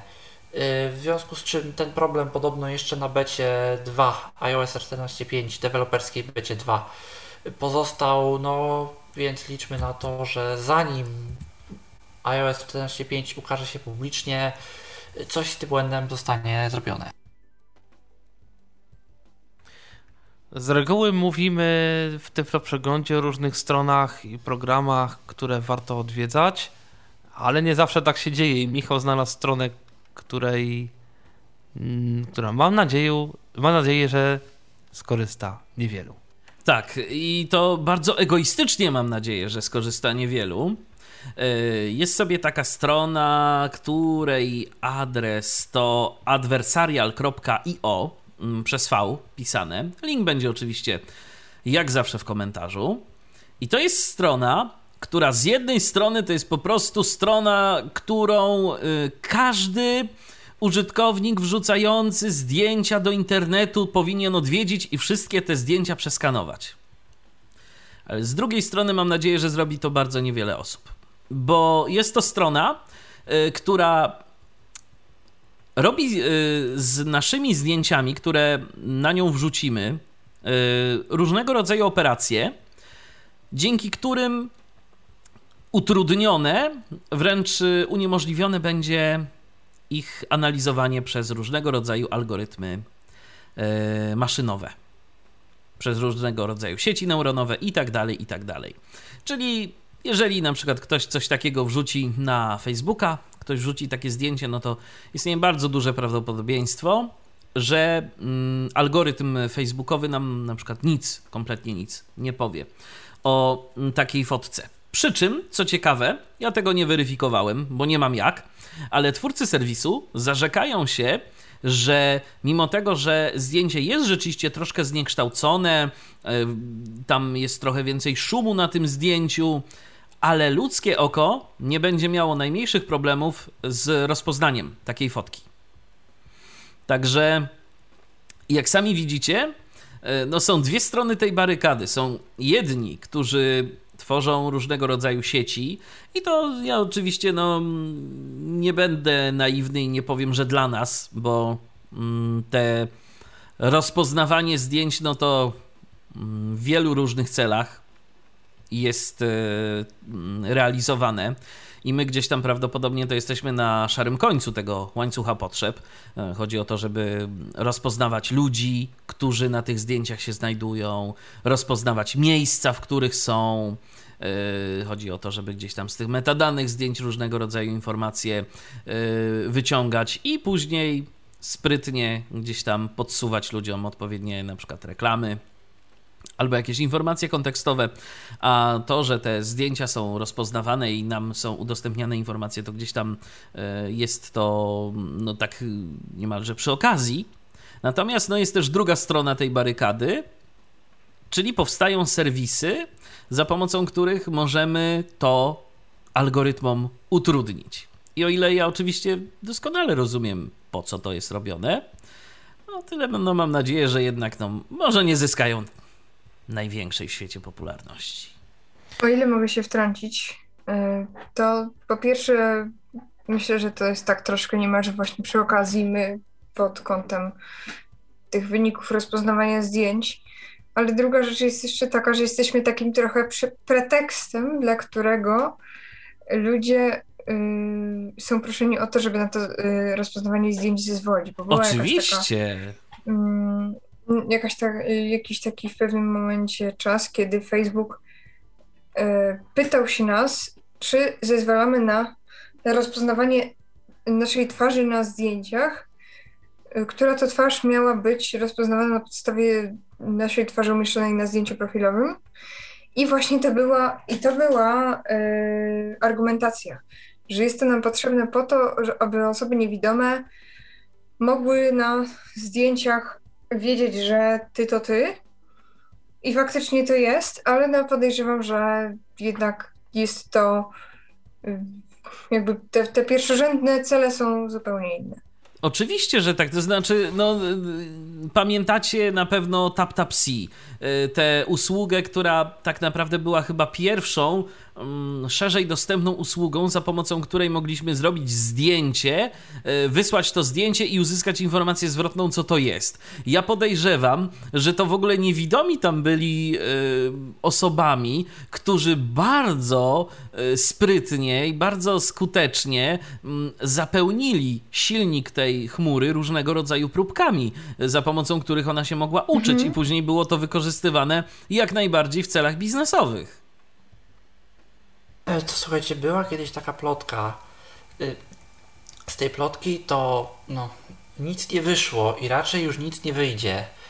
Ale krążyła taka plotka, jakoby był rozważany w Facebooku y, taki plan, żeby pod pretekstem dostępności y, dla osób niewidomych, jeszcze jak Facebook nie rozpoznawał w ogóle tekstu na zdjęciach, jak w ogóle Facebook nie rozpoznawał zdjęć, bo to dobrych parę lat temu było, żeby Facebook jakoby pod pretekstem dostępności miał y, ucinać zasięgi, czyli gdzieś tam wypychać na dół i raczej nie pokazywać niż pokazywać w naszych y, aktualnościach zdjęcia z, rozpoznawany, z, roz, z nierozpoznanym tekstem, zdjęcia po prostu kartki tekstu, nie napisane, po prostu napisany tekst, tylko tekst na zdjęciu. Y, wytłumaczenie było takie, że osoby niewidome nie mają, nie czytają tekstu na zdjęciu, w związku z czym, jeżeli chcą Państwo, żeby to było na górze, to prosimy pisać tekst tekstem, a nie robić zdjęcie. Y, miało chodzić niby o to, że po prostu Facebook chciał analizować to, co ludzie wrzucają lepiej i analizować ten tekst, y, a wiadomo, że y, mniejszą dokładność ma i więcej zasobów weźmie przetworzenie zdjęcia na tekst i analiza tekstu niż analiza tekstu. Więc no, była taka plotka, żeby Facebook chciał niby kiedyś pod pretekstem dostępności Y, taką właśnie zmianę wdrożyć. Takiej zmiany z tego co wiem chyba nigdy nie wdrożono. No ale kto wie, może było, było jakieś ziarnko prawdy w tym, że, że były takie plany na Facebooku. Ale nawet to mogło być w sumie tak, że to zostało zrobione tak jakby w pół, że na przykład niektóre rzeczy faktycznie poszły na dół, a niektóre nie, żeby nie wzbudziło podejrzeń. A mimo to, żeby trochę już osiągnąć. Wiesz, to, tylko to pójście na dół, z tego co wiem, to jedynym jakby sensem i celem tego pójścia na dół miałoby być to, żeby ludzi przekonać do wrzucania, a nie jakby Nie, my żyjemy w zbyt Dokładnie. obrazkowym świecie. To nie, miało, to nie miało prawa się udać. Wiesz co, ale nie, obrazki, obrazki obrazkami, ale mi chodzi o obrazki tekstu, a nie o obrazki obrazki. Nie wiem, czy wiesz, co ja mam Michała Ja wiem, Mikołaju, co mhm. masz na myśli, tylko mm, wiesz co... Mm, Nawet mhm. robienie screenów różnego rodzaju, robienie memów, mm, robienie tego typu rzeczy jest zbyt y, mam wrażenie, ma zbyt długą historię jednak. Ja naprawdę, ja się bardzo dziwię, czemu na przykład ktoś woli zrobić screen czegoś, niż po prostu zaznaczyć i skopiować ten tekst i wkleić, Wiesz, ale... Screen maila. Ale tak, wiem. przekonanie. Mhm. Wiem, panuje takie przekonanie, że jak coś jest screenem, to to nie jest podrobione. Wiesz A tekst co? sobie można podrobić. To nie, jakby, to nie jest do końca bezzasadne o tyle, że jeżeli chcesz zrobić sobie screena y, maila od andrzej.duda.prezydent.gov.pl to się musisz trochę narobić, jakby nie było. Zrobisz, jak naprawdę chcesz to zrobisz, ale to nie będzie takie cudownie proste, że kobieta w wieku lat 60 w zerowym pojęciu o komputerach będzie w stanie zrobić to w minutę. A jak hmm. chcesz sobie napisać tekst, że napisał do mnie pan prezydent, tutaj wklejam, co mi napisał, no to każdy to zrobi, wystarczy tylko umieć pisać, tak? Więc jakby... Ale jest też druga, mhm. y, drugi argument. Bo na przykład, nie wiem, jak jesteśmy w grupie jakiejś, na Messengerze, na Telegramie, na czymś mhm. i na niej mamy 150 wiadomości dziennie na przykład i mhm. chcemy wrzucić zdjęcie maila, jak napisał do mnie ktoś tam, znaczy jak chcemy jakby poinformować ludzi, że napisał do mnie ktoś tam, to prędzej wrzucimy zdjęcie, bo, zdjęć, bo jakby zdjęcia to najczęściej jest też osobna sekcja w czacie. Czyli można sobie mhm. zaznaczyć, że pokazuje mi tylko zdjęcia i wtedy zobaczę ostatnie zdjęcia z, z tej konwersacji. No i one przyciągają też większą uwagę widzących, więc nawet jeżeli to jest screen, to już większą uwagę to przyciągnie niż jakiś tam surowy tekst. No jeżeli chcę, żeby, ten, żeby ta uwaga została zwrócona na, na tego maila, no to... No to I ja mam wrażenie, że też osoby widzące nie za bardzo lubią, jak im się na przykład wklei całego maila, bo to wtedy trzeba scrollować, trzeba przewijać, że tak to mają tak. sobie ładne zdjęcie, jak ktoś chce, to sobie kliknie powiększy. Właśnie. To jest całkiem możliwe i to, i to rzeczywiście tak jest, więc no, jak sami widzicie, tych argumentów za zdjęciami niestety jest całkiem sporo. Eee, smutne to, no ale w takiej rzeczywistości żyjemy. W takiej rzeczywistości żyjemy. No, a w takiej rzeczywistości też powstaje talkback. Co prawda, bety talkbacka, znaczy w ogóle wersje talkbacka wychodzą bardzo rzadko, ale Paulina ma już informacje na temat nowej wersji talkbacka 9.1. Tak, nie było tego w naszych tyfloheadach, natomiast udało mi się zdobyć informacje i od razu mówię, że informacje niepotwierdzoną doświadczeniem, bo ja aktualizacji nie dostałam, ale przeczytałam o tym, jakoby nowy talkback, yy, czyli talkback wersji 9.1 był już dostępny. I w tym talkbacku podobno mamy mm, ulepszenia związane z gestami wielopalczastymi w Androidzie 11, dzięki którym na przykład możemy dwoma palcami, jakby dwuklikiem dwóch palców y, zatrzymać lub wznowić muzykę. I mamy też wzmiankę na temat y, klawiatury brailleowskiej talkbackowej, do której dosta- y, dodane zostały dwa języki, arabski i hiszpański, więc jest szansa, że kiedyś w jednej z kolejnych wersji ukaże się też wsparcie dla języka polskiego, na które oczywiście czekamy. Mm, niestety nie mam, tak jak mówię, informacji jakiejś takiej własnej, więc też nie jestem w stanie przytoczyć pełnej listy nowych gestów, aczkolwiek podobno jest ich kilka, więc jeżeli otrzymacie taką y, aktualizację i talkbacka używacie, ponieważ ja nie używam, to, mm, to bardzo prosimy o, a przynajmniej ja proszę o to, abyście dali znać, co jest w praktyce nowego i ulepszonego. Możliwe, że ta wersja jest dostępna na przykład tylko dla użytkowników Androida 11. Możliwe też, że dostali ją użytkownicy telefonów Pixel i Samsung. Możliwe. W każdym razie, Ponieważ no, obecnie, tak jak już kiedyś wspominaliśmy, y, TalkBack rozwija się przy, po, przy jakby mm, przy współpracy przy Samsunga współpracy deweloperów Samsunga i Google'a. No i te Pixele i Samsungi naturalną koleją rzeczy mają pierwszeństwo w otrzymywaniu różnych dostępnościowych rzeczy. to był talkback. A teraz dodatek do NVDA, których jest coraz więcej, y, który pozdrawia, który pozwala uskryptować niektóre strony internetowe, jak napisał Paweł. Dodatek do pozdrowień może też kiedyś zrobił. Tak. To byłoby spoko ćwiczenie programistyczne. Dodatek, który w, względem pory dnia mówi nam dzień dobry albo dobry wieczór. Ja, ja, ja zrobił. Zamiast ładowanie NVDA proszę czekać. No, To jest do zrobienia. no dokładnie, jako wprawka programistyczna. Tak sobie wyobrażałem moje początki programowania, ale nie o tym, e, bo tu też możemy poprogramować. Dodatek francuskiej produkcji nazywa się Web, e, Web Access for NVDA. Jeszcze tu potwierdzę, bo to taka skomplikowana e, nazwa, gdzie... Tak, dobrze mówię, Web Access for NVDA. No jakiś czas temu wspominałem tu o pewnym dodatku do przeglądarek, y, który sprawiał, że możemy do dowolnej kontrolki na stronie przypisać skrót klawiszowy albo sprawić, żeby była automatycznie odczytywana, jeżeli coś się na niej zmieni, albo żeby była podświetlana, albo kliknięta od razu. I wiele różnych innych ulepszeń, a się okazuje, że to już jest w formie dodatku do NVDA również. I wystarczy taki dodatek zainstalować znaleźć się na jakiejś stronie internetowej i podświetlić konkretny element. Naciskamy Insert W i tam już powstaje kreator, w którym możemy stworzyć odpowiednią regułkę. Dodatek jest dość rozbudowany. On u mnie jakoś nie chce działać. On wyrzuca jakieś błędy, że jakiegoś słownika nie znaleziono, że czegoś tam nie ma, więc nie wiem, czy to jest kwestia właśnie języka polskiego, y, czy jakichś jeszcze innych czynników.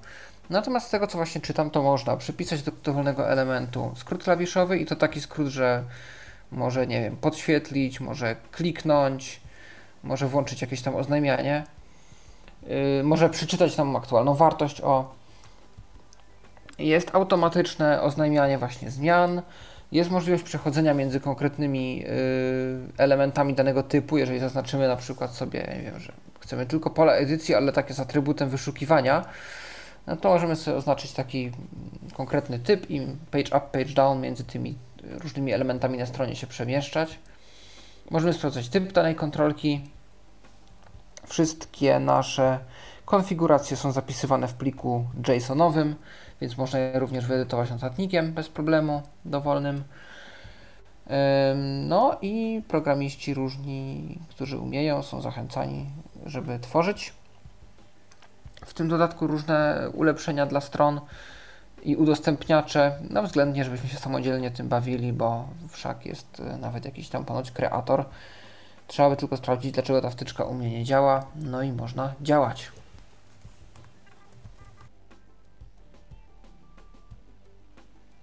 E, to w takim razie zmieniamy, można powiedzieć, e, zmieniamy system i zaraz jadę. Ale nie ja jadę, tylko taka aplikacja się tak nazywa. I o tym Paulina. Oczywiście. Aplikacja taka prześmiewczo, jak na to mówię w modelu clubhouse'owym, czyli mamy na iPhone'a, ale już za chwileczkę, już za momencik, już wkrótce na Androida.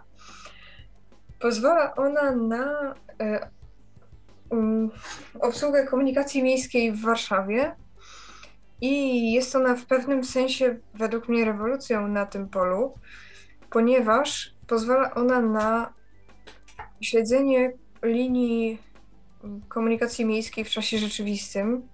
Czyli jeżeli nam autobus utknie w korku, to nie dostaniemy powiadomienia mm, jakby opartego tylko na rozkładzie jazdy, ale też dostajemy szacowany czas przyjazdu właśnie pod kątem tego, czy ten autobus stoi, czy ten autobus jedzie już swobodnie.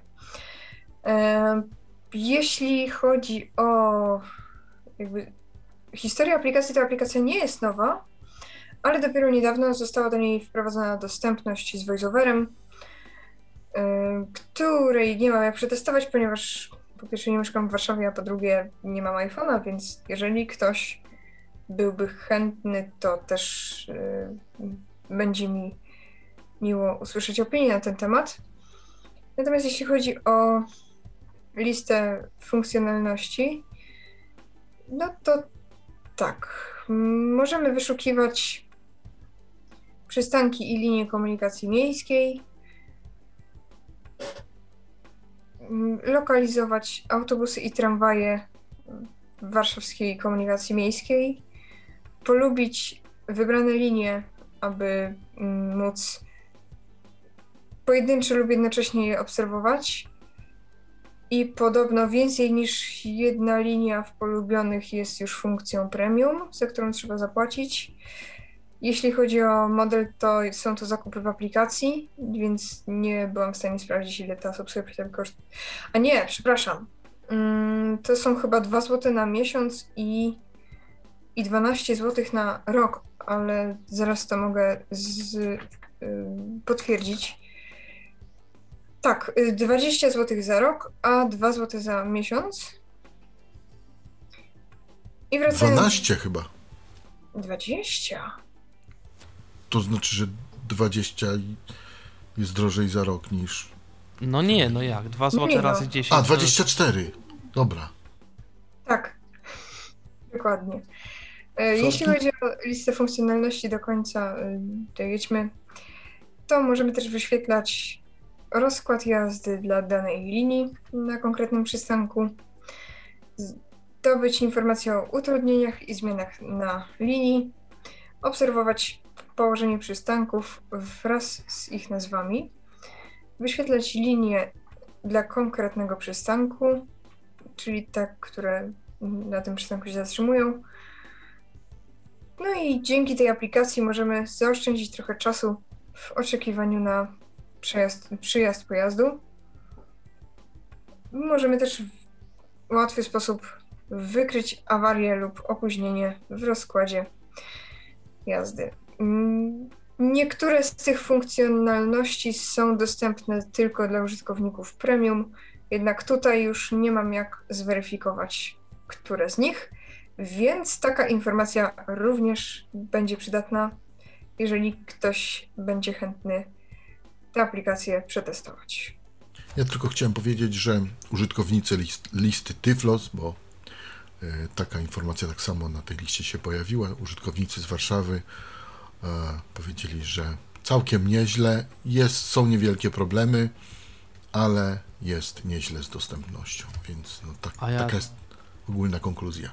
A ja bym też chciał powiedzieć, że to no nie jest jakaś rewolucja, dlatego że już kilka takich aplikacji, które uwzględniały rzeczywisty czas przyjazdu autobusu już na rynku jest yy, i to wszystko generalnie zależy od tego, kiedy które miasto wdroży taki system. Yy, Warszawa już to kilka lat temu wdrożyła, ale wcale nie była pierwsza, bo wcześniej już było kilka takich miast.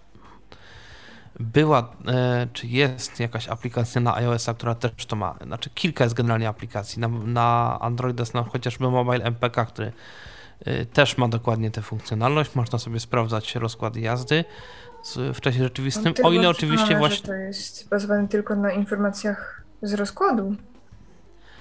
To znaczy inaczej, jeżeli miasto dysponuje pojazdami zaopatrzonymi w GPS i się dogada, że tak powiem, i teraz nie wiem, czy z twórcą aplikacji, czy z twórcą czegoś innego pośredniego, w każdym razie z tego co pamiętam, kilka miast w aplikacji Mobile MPK już jest wyposażona e, w ten system. Właśnie Warszawa, nie wiem czy nie Kraków i no generalnie raczej, raczej te duże miasta, chociaż No chyba przecież tam się plącze MPK kilka jest jakieś mniejsze. W Krakowie na przykład, a w Warszawie jest chyba ZTN? Ale aplikacja nazywa się Mobile MPK, ona i zawiera około działa? 60 miast. A, E, rozumiem.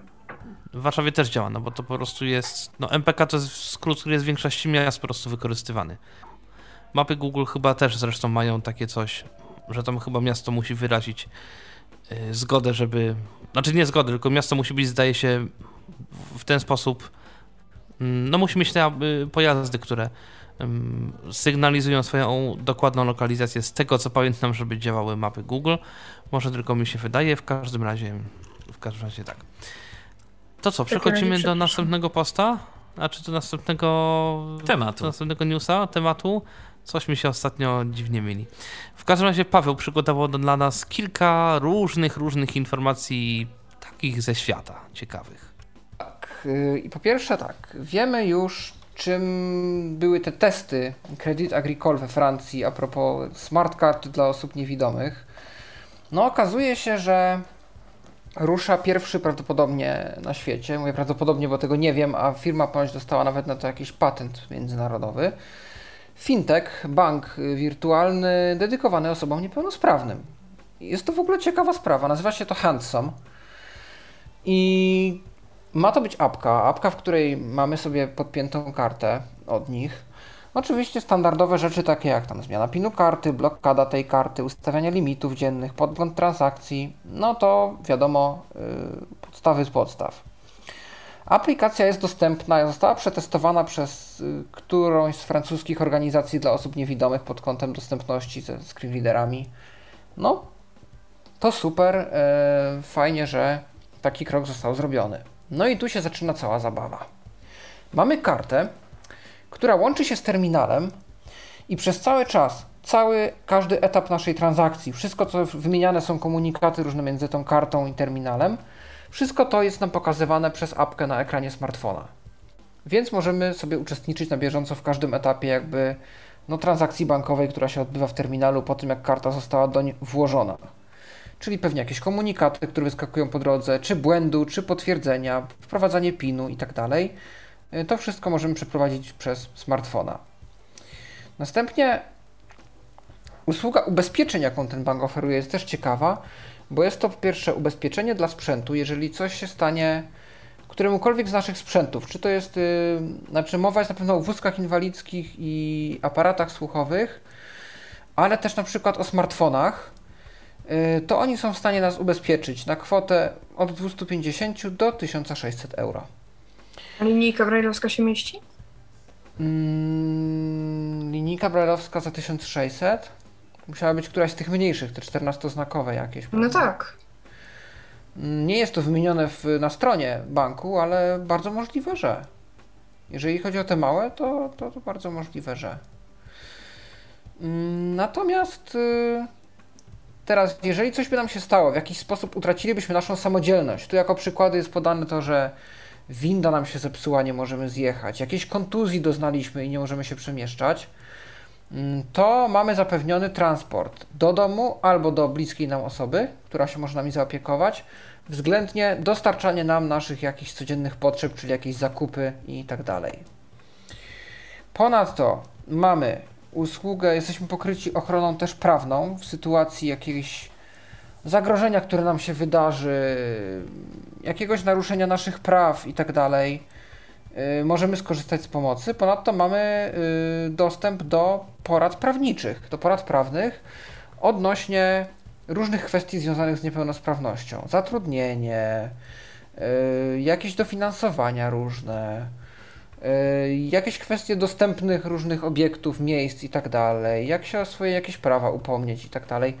To wszystko jest włączone w nasz pakiet właśnie, który dostajemy wraz z kontem w Handsome.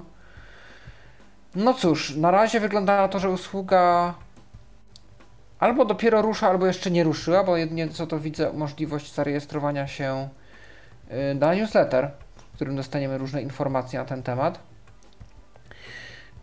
Y, prawdopodobnie działa to, to jedynie we Francji na razie. Mam nadzieję, że jako, że to jest chyba właśnie jakaś pochodna Credit Agricole, że to ruszy też w innych krajach, w których y, ta instytucja działa, ten bank. E, zwłaszcza, że mają jakiś patent międzynarodowy, więc troszkę byłoby no, samolubnie, gdyby tym patentem się e, zasłonić i zablokować rozwój usługi w innych krajach. Natomiast na razie jest to jedynie usługa francuska. Skoro mówimy już o tym, co się dzieje a propos różnego rodzaju prawda, zakupów, komercjalizacji itd., tak w Niemczech bardzo ciekawa inicjatywa zaskoczyła, bo Amazon niemiecki stwierdził, że oni chcą podjąć współpracę z Niemieckim Związkiem Niewidomych i skupić się na jakichś potrzebach e, i lukach, powiedzmy, które są gdzieś w dostępności dla osób niewidomych. No i się okazuje, że umówili się z największymi kanałami niemieckimi i ich e, wideotekami z materiałami filmowymi, czyli z ARD, z CDF-em i chyba jeszcze jakąś trzecią, telewizją. I dzięki temu użytkownicy Alexy w Niemczech mogą teraz poprosić, włącz mi taki a taki film z audiodeskrypcją. I ten film zostanie im puszczony przez echo.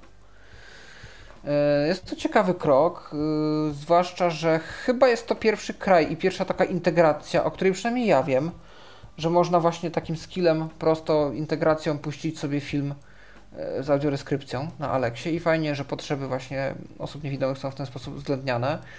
Mm, też prezes niemieckiego Amazona zwrócił uwagę na to, że no fajnie by było, gdyby inne europejskie kraje też podążyły, inne oddziały europejskie Amazona.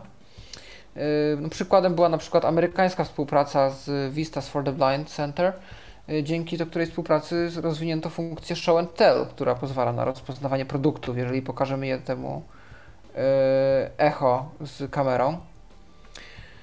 E, czy look, look and tell? Look and tell chyba się to nazywa. E, I to też nie jest chyba jedyny obszar, w którym Amazon niemiecki chce współpracować. Zwrócono uwagę na to, to nie jest jeszcze żadna tam obietnica ani nic, ale zwrócono uwagę, że aktualnie na przykład osoby niewidome mają ogromny problem, jeżeli chodzi o samodzielny zakup, zwłaszcza w internecie, ubrań.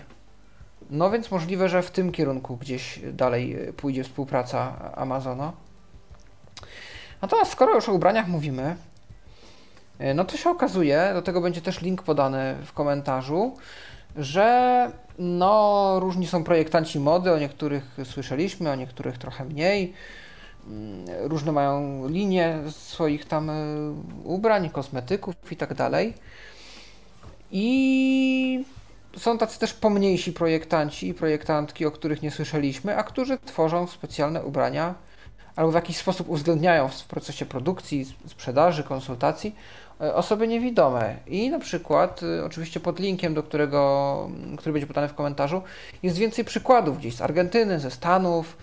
Jest też przykładów kilka firm, które w sposób dostępny dla osób niewidomych oznaczają opakowania kosmetyków. Na przykład firma Occitan, o której mówiła Kasia, kilka odcinków temu jest tam wymieniona. Teraz do czego zmierzam? Okazuje się, że w Wilnie, na Litwie, działa sobie taka pani projektantka, która y, projekty swoich ubrań jest w stanie przygotować w Braille'u, żeby osoba niewidoma mogła sobie uzmysłowić, y, jakie proporcje materiału na którą część y, są kładzione. I ta pani ma swoją stronę na Behance, czy Behance, Behance, tak się chyba nazywa ten portal, na którym e, różnego rodzaju projektanci, designerzy swoje prace przedstawiają. Co prawda widziałem, że ostatnie jakieś jej prace takie nowe były pokazane w roku 2018, ale domyślam się, że gdyby wysłać wiadomość tej pani, e, to można by się skontaktować, czy mogłaby coś dla nas uszyć, może by jej to się nawet opłacało. No niektórzy z nas y, mieszkają prawdopodobnie też blisko granicy, więc do Wilna, no może nie teraz, ale tak na ogół to daleko nie mają, więc gdzieś tam transport takich rzeczy nie byłby problemem, a jest to pani, która jednak działa w Europie, e, gdzie te kwestie importu różnych towarów są dużo, dużo łatwiejsze niż z Argentyny czy ze Stanów. No ciekawe tu jak, bo zakładam, że jest to szyte tam powiedzmy na miarę, no to e, trzeba by było jakoś powiedzmy ewentualnie nasze wymiary gdzieś tam dostarczyć, czy w jakiś inny sposób, no i, i może by coś z tego była. Przynajmniej mielibyśmy na bieżąco możliwość oglądania tego projektu, który powstaje. Ja też podejrzewam, że to będzie trzeba kompletami kupować, bo no bo żeby pasowało, nie? Mm, no tak prawda? Ale w każdym razie wszystkie artykuły 3, e, które właśnie teraz omówiłem, polecam, bo ciekawe inicjatywy się gdzieś tam na świecie dzieją. A to się zgadza. Tymczasem mamy Krzysztofa na antenie, który do nas się dodzwonił. Mm, tylko jeszcze Krzysztof musi sobie audio włączyć w Zoomie. E, to jest jeszcze taka rzecz, która, która nas dzieli od tego, żebyśmy mogli porozmawiać. A ja przypominam, że e, na Zoomie możecie do nas dzwonić, a pisać możecie do nas na Facebooku i e, na kontakt.tyflopodcast.net. Tu jeszcze taka uwaga. E, jeżeli nas przez Facebooka słuchaliście, to pojawiła się druga transmisja Tyflo Przegląd Suplement, no bo po prostu za duży był ten timeout i niestety wyrzuciło nas z tej transmisji, którą realizowaliśmy pierwotnie. Także y, jest y, tym razem Tyflo Przegląd podzielony na dwie części. Krzysztofie, czy my się już słyszymy? Nie, nie słyszymy się jeszcze, więc yy, więc chyba możemy przejść dalej. Co tam Tomku mamy dalej? A dalej mamy informacje od Mikołaja na temat nakładek dostępnościowych, które czasem poprawiają, czasem niekoniecznie i powstała lista, którą, która te nakładki potrafi wyłączyć. Tak, y, powstała taka lista, kiedyś to można było zrobić sobie tam w pliku hosts, y, teraz powstała lista również do dodatków y, blokujących reklamy. Ona powstała do dodatku AdBlock Plus, ale teoretycznie format tych list jest taki sam, więc w uBlock Origin na przykład ona teoretycznie chyba też powinna działać. Tam sobie musimy odpowiednim dodatku wejść w ustawienia tam zaawansowane, filtry. Mamy te listy filtrów. Warto sobie te listy przejrzeć i powłączać y, rzeczy, które nas interesują. Y, dodać sobie to, co potrzebujemy, dodać sobie właśnie taką listę. Y, Accessibility będzie do niej link. No i na razie znajdują się na niej te chyba tam dwie, dwie domeny, które są wykorzystywane właśnie przez te nakładki zostaną one zablokowane y, i te nakładki nie będą nam już przeszkadzać. Y, no przy czym jeżeli tych nakładek będzie więcej, jeżeli się okaże, że tych domen jest też więcej, y, to to co my podajemy to nie jest już gotowa lista, tylko link do listy. Jeżeli coś na tej liście się zmieni, dojdą tam kolejne, kolejne elementy, to nasza przeglądarka, nasza wtyczka raz na tam kilka dni y, będzie konsultować się z tym źródłem, y, które my jej podaliśmy i sprawdzać, y, czy coś nowego się pojawiło. Jeżeli coś nowego znajdzie, no to w tym momencie też nasza lokalna lista się odpowiednio uaktualni, w związku z czym nieważne jakie nowe rozwiązania twórcy Accessibility wymyślą, ta lista może po prostu być na to gotowa i się dynamicznie w razie potrzeby zmieniać. A tymczasem Krzysztof już się z nami połączył. Słyszymy się, Krzysztofie? Halo?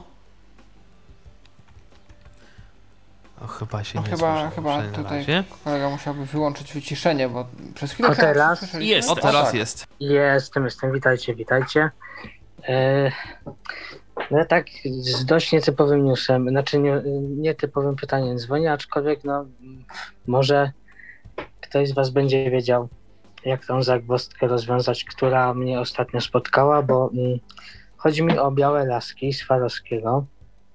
Zakupiłem sobie ostatnio końcówkę mm, do laski z Farowskiego składanej. No i oni tam mają w ECE, bo to w ECE kupowałem, mają różnego rodzaju te końcówki i te kule takie w wielkości, ja to mówię na to, to wygląda jak żarówka, nie wiem czy, czy wiecie o co mi chodzi, o te kule takie, te mm, końcówki. Halo? Jesteśmy, jesteśmy. No, na razie takiej nie używałem, więc no nie wiem. I oczywiście ja ją założyłem, bo tam jest ta, y, zakłada się ten haczyk za tą pętelkę przy końcówce. Jak ściągniemy tą końcówkę, to tam na tej gumie, co jest łączenie, jest taka pętelka i na nią zaczepiamy ten haczyk mm, z tą y, kulą obrotową, która jest na tym takim hmm, to jest taki trzpień, czy coś takiego z tym łożyskiem, które się kręci, jak, jak się poruszamy metodą bez be, yy, stałego kontaktu, że tak powiem. No i chciałem tą końcówkę. Wszystko się fajnie chodzi, yy, przeszkody wynajduje fajnie. Rzeczywiście te faktury podłoża naprawdę, powiem wam, że fajnie się z tym chodzi. Natomiast chciałem tą końcówkę ściągnąć, bo chciałem pokazać na Tyflo Akademii właśnie wymianę takich końcówek. Taki filmik zostałem poproszony o zrobienie i za cholerę nie jestem w stanie tej końcówki ściągnąć. Mm, już od, od, chyba miesiąca ją mam ponad i nie wiem, próbowałem y, y, oczywiście laska była rozłożona, próbowałem tą końcówką, nie wiem, y, boki poruszać, w lewo, w prawo, ciągnąć, żeby za tą całą ten korpus tej końcówki, żeby to wyszło nie wiem, czy to się mogło zapiec od warunków pogodowych, które gdzieś tam były jakieś deszcze, nie deszcze, czy jak ten temat w ogóle ugryźć, żeby to, no żeby to po prostu wyciągnąć, ściągnąć tę końcówkę z tej, z tej białej laski. Nie wiem, czy ktoś z Was wie, jak to zrobić, bo hmm, szczerze mówiąc, za bardzo nie mam pomysłu. E, próbowałem już z olejem gdzieś ludzi na grupach różnych, pytałem, żeby, nie wiem, poleci nimi olejem posmarować, to to miejsce, gdzie, gdzie jest to łożysko, żeby, żeby ona zeszła po prostu i no nie chciało. Nie wiem, nie wiem jak to e, ogarnąć. Z tego co wiem, no to jest rzeczywiście problem. Wiem, że ludzie tam mają jakieś tam sposoby rzeczywiście, natomiast to jest problem z tego co wiem. Generalnie końcówek obrotowych i to się potrafi rzeczywiście zacinać i E, znaczy, wiesz, Tomku, może... ona się zapiekła i w sensie, wiesz, to działa, bo to działa, działa, ona się, wiesz, kręci, tylko po prostu chciałem ją ściągnąć na potrzeby A, no tak. tego filmiku do I ze ściąganiem też jest problem. Mm, jaką ty nie masz wiem, bo... aluminiową czy grafitową? Mm, znaczy kompozytową? Ona jest aluminiowa, tak, aluminium, no. Aluminium też się może wyginać i to też może być problem niestety. Aha. To jest, to też jest problem rzeczywiście i te końcówki dość często rzeczywiście mają problem że tak powiem, ze schłodzeniem, to czasem naprawdę solidnie pociągnąć, żeby to dało radę. E, ale może któryś ze słuchaczy ma jakiś, ma jakiś ciekawy pomysł. Nie wiem, ktoś mi polecał WD-40, żeby, żeby mu tam zapuścić jej, albo nie wiem, ktoś polecił mi, żeby ją troszkę w coli pomoczyć, bo podobno kola jest dobrym odrdzewiaczem. Odrdzewiaczem, tak. tak Chociaż ostatnio z powodu podatku cukrowego dość drogim. A, no tak, tak. tak, to się zgadza. Tak jest. No, także jakby ktoś coś słuchaczy wiedział, to czekam na komentarze i ode mnie chyba to tyle. Jak na razie, jak jakiś news znajdę, to zadzwonię. Okej, okay, Krzysztofie, dzięki za telefon. E, I w międzyczasie jeszcze nam się pojawił jeden telefon. Ktoś do nas e, dzwoni, więc odbierzmy. Kto jest z nami? Halo? Dobry wieczór, tu Rafał po drugiej stronie. Dobry wieczór, Rafale, ja słuchamy. Chciałem ja tylko chciałam powiedzieć, że wtedy to ja zgłaszałam, że na przykład, że nie można było się dodzwonić, bo nie działało te e, ID, to nie wybierało automatycznie, prawda? To, Aha. że chciałam powiedzieć, że naprawili. No to super. Cieszymy się bardzo. No, no, no to tyle. To tyle. Okej, okay. to do usłyszenia. Pozdrawiam. Do usłyszenia. W takim razie pora chyba na ostatni news, przynajmniej z tej dziedziny Tyflowieści. Jest, powsta- znaczy w ostatnim czasie pojawiło się kilka programów, w których poprawiła się dostępność na Androida. O tym Paweł. Tak, dokładnie dwie takie aplikacje w zeszłym tygodniu, mm, o których ja się dowiedziałem. Po pierwsze jest to ACR Dialer. Okazuje się, że NLL, czyli firma, która stworzyła takie aplikacje jak ASR, dość popularny swego czasu dyktafon na Androida, jak i ACR, do dziś popularną aplikację do nagrywania rozmów. E, firma ta stworzyła swój dialer, czyli całą jakby aplikację telefonu. Aplikację, która ma możliwość blokowania i to taką dość rozbudowaną, bo tam można te reguły tej czarnej listy ustawiać osobno nawet dla każdego numeru. Łącznie z tym, że można zablokować nawet połączenia wychodzące. E, no, jakąś historię połączeń z opcją przeszukiwania, tam jakieś proste kontakty. E, ciemny motyw, który ponoć jest jeszcze nie do końca dopracowany. To jest też bardzo uczciwe ze strony programistów, że w sklepie Play wrzucili, do, co, do każdej funkcji jest dopisek, czy jest to funkcja w pełni przetestowana i już rozwinięta, czy jeszcze w, w trakcie jakichś prac, testów. I nawet jest napisane, że możemy ją sobie wyłączyć, jak nam się nie podoba. Więc tak, taki los na przykład spotkał ciemny motyw. Yy, proste kontakty, to już wspomniałem, yy, możliwość odbierania rozmów, przypisywania oczywiście jakichś tam dzwonków, zdjęć, nawet wideo, które ma grać jako, nam, yy, jako ekran odbierania rozmów. Notatki, tworzenie notatek do trwających lub minionych rozmów. No i właśnie, tu parę ciekawych rzeczy. Wspomniałem już o blokowaniu rozmów, wspomniałem o, o tych różnych funkcjach. Aplikacja wspiera też y, SIP-a, może być klientem VoIP-a, klientem telefonii internetowej. E, co prawda jest napisane na wspieranych urządzeniach, nie wiem, które to są. Czy to są te, które też w domyślnych dialerach to wspierają, czy po prostu teraz większość telefonów ma jakiś ukryty backend do SIP-a. Natomiast aplikacja to wspiera. Jest wybór kart SIM, y, albo można domyślnie ustawić, albo przy każdym połączeniu wybierać. Mm, jest możliwość nagrywania rozmów i wrzucania tych rozmów na różne rozmaite chmury. Y, no i tutaj y, mamy właśnie chyba po prostu nawet te zintegrowane z Androidem, OneDrive, Dropboxy, WebDAVy, nawet na własny serwer FTP lub WebDAV można wrzucać, więc jest to bardzo, bardzo rozbudowane. No i ta aplikacja właśnie zyskuje na dostępności. Okazuje się, że z autorami jest się bardzo łatwo dogadać i na liście mailingowej Blind Android Users jest sobie użytkownik, który błąd po błędzie wypracowuje poprawki i rozwiązania z autorami aplikacji. Super Może sprawa. jeszcze od razu pytanie, mhm. czy ta mhm. aplikacja podmienia też yy, aplikację wiadomości? Nie, zdaje się, że SMS-ów nie obsługuje, to jest tylko typowo telefon. A druga, druga aplikacja jest to Aufpass, czyli menedżer haseł kompatybilny z bazami KeePassa. Również jest to otwartoźródłowy menedżer. Menedżer, który właśnie czyta KeePassa, zapisuje do KeePassa, potrafi generować hasła, e, potrafi nam je zablokować biometrią, e, potrafi nam potworzyć różne profile tych haseł typu prywatne, praca i tak dalej ma możliwość eksportowania tych baz również na chmury wszelkiego rodzaju. No i właśnie w ostatniej aktualizacji poprawiono różne etykiety przycisków i również na, na forum Audio Games jest użytkownik, który się zdeklarował, że będzie różne błędy na bieżąco raportował e, i wypracowywał też poprawki dostępności dla tej aplikacji. Ponoć nawet wsparcie doszło dla klawiatury, Mm, zarówno na iOSie, jak i na Androidzie ta aplikacja jest ponoć dostępna. Nie wiem jak tam wersje Windows, Mac i tak dalej, ponoć istnieją, Linux. E, natomiast e, na pewno te mobilne e, wiem, że zostały ostatnio poprawione. No i przechodzimy tym samym do rubryki technicznej, bardziej ogólnej. No i tutaj pierwsze informacje ma Paweł i znowu o Androidzie, o tej tak zwanej wersji deweloperskiej, pierwszej wersji deweloperskiej Androida 12, która się pojawiła. Pojawiła się, można sobie sflashować prawdopodobnie na piksele tylko na razie.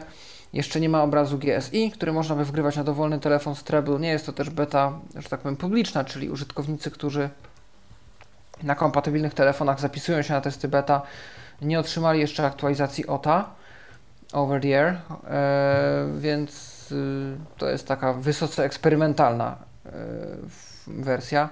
No mogę od razu powiedzieć, że w dostępności na ten moment nie odnotowano zmian większych, oprócz tego, że same ustawienia dostępności uległy pewnemu liftingowi, tam pewne opcje połączono, gdzieś tam te kategorie y, pozlewano, też to wizualnie wygląda trochę inaczej, nie ma tych y, podziałek między konkretnymi kategoriami tych ustawień, więc tam może być pewna zmiana. Coś dodano do jakichś jaśniejszych kolorów, żeby je chyba wyeliminować. Natomiast dla osób kompletnie niewidomych nie odnotowano żadnych nowych funkcji. Natomiast jest kilka zmian i mnie niektóre z tych zmian, przynajmniej tych odnotowanych do tej pory, trochę martwi, bo tu na przykład jest coś takiego jak bezpieczne eksportowanie aplikacji i e, motywacja, jaka jest tu podana, to taka, że wielokrotnie aplikacje nieświadomie udostępniały swoje działania. I tutaj y, Android 12, be, jeżeli rzeczywiście aplikacja oferuje kilka filtrów y, tych intencji, intentów, y, to musi też zadeklarować Android Exported Attribute. Y, czyli musi świadomie programista podjąć decyzję, że y, chce w swojej aplikacji udostępniać działania i tam jakieś intenty dla aplikacji zewnętrznych. I tu się już trochę martwię, bo co by nie mówić, dzięki temu, że programiści tego czasem robili to czasem nieświadomie, to dzięki temu do wielu aplikacji dało się dotrzeć, czy jakimiś skrótami z launchera, czy jakimiś komendami w y, moim launcherze Linux, Linuxowym, Linux Launcher, czy przez jakieś skróty, aplikacje typu TapTap, czy jakieś keymapery, button mapery. A w tym momencie y, zmniejszy się to grono, bo programiści będą musieli y, specjalnie jakby włożyć y, jakieś działanie, tak ja to rozumiem, no chyba, że, coś tu rozumiem źle, w to, żeby te rzeczy były gdzieś tam dostępne. No i myślę, że te większe firmy typu jakiś Facebook, może nie do końca, że się nie będą bawić, poniekąd to pewnie zostanie, bo są jeszcze skróty w launcherze i tam są skróty na ikonie, które odpalają konkretne części aplikacji. Natomiast będzie to o wiele mniejsze zjawisko, mam wrażenie, niż y, miało to miejsce do tej pory. I szkoda, bo była to bardzo fajna funkcja i, i fajnie, że te działania były gdzieś tam w wielu aplikacjach takie transparentne. Tak samo bezpieczniejsze, bezpieczniejsza obsługa intencji, tu jest napisane. Android 12 wymaga, aplik aby aplikacja yy, tak, yy, mutability, czyli chyba jakby wzajemność. To jest nowa flaga, której aplikacje będą musiały używać, żeby intencje mogły być wymieniane między aplikacjami. Więc znowu yy, tutaj będzie kolejne wymaganie, wymagane działanie, yy, powiedzmy świadome programistów, żeby można było gdzieś tam z jednej aplikacji do drugiej coś tam przerzucić, czy jedną aplikacją wywołać jakieś działanie w drugiej. Ja to poniekąd rozumiem, bo bezpieczeństwo i, i, i prywatność i to mogą być wykorzystywane w jakichś niecnych celach. Natomiast no, efekt uboczny tego jest niestety taki, że no, może zniknąć wiele takich fajnych integracji jakimiś taskerami, makrodroidami między jedną aplikacją a drugą, właśnie przez to, że mm, te rzeczy będą teraz gdzieś tam bardziej świadome. Czy coś jeszcze jest?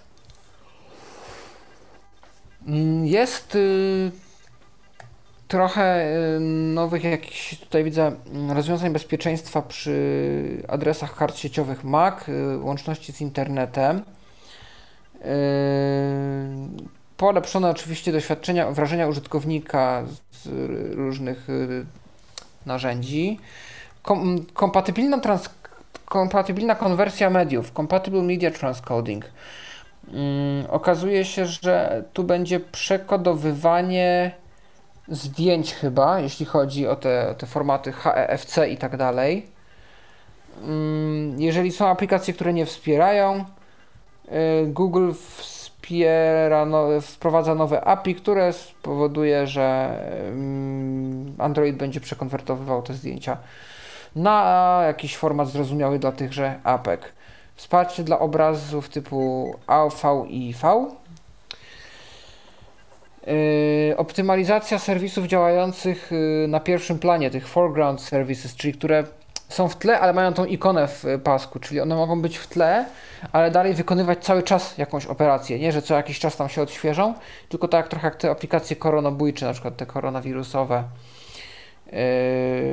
I tutaj mamy taką informację, że no właśnie, bo one mogą zużywać przez to więcej baterii i yy, gdzieś tam procesora. Google będzie blokować uruchamianie tego typu usług y, w tle w aplikacjach, które będą kompatybilne z nowymi y, Androidami.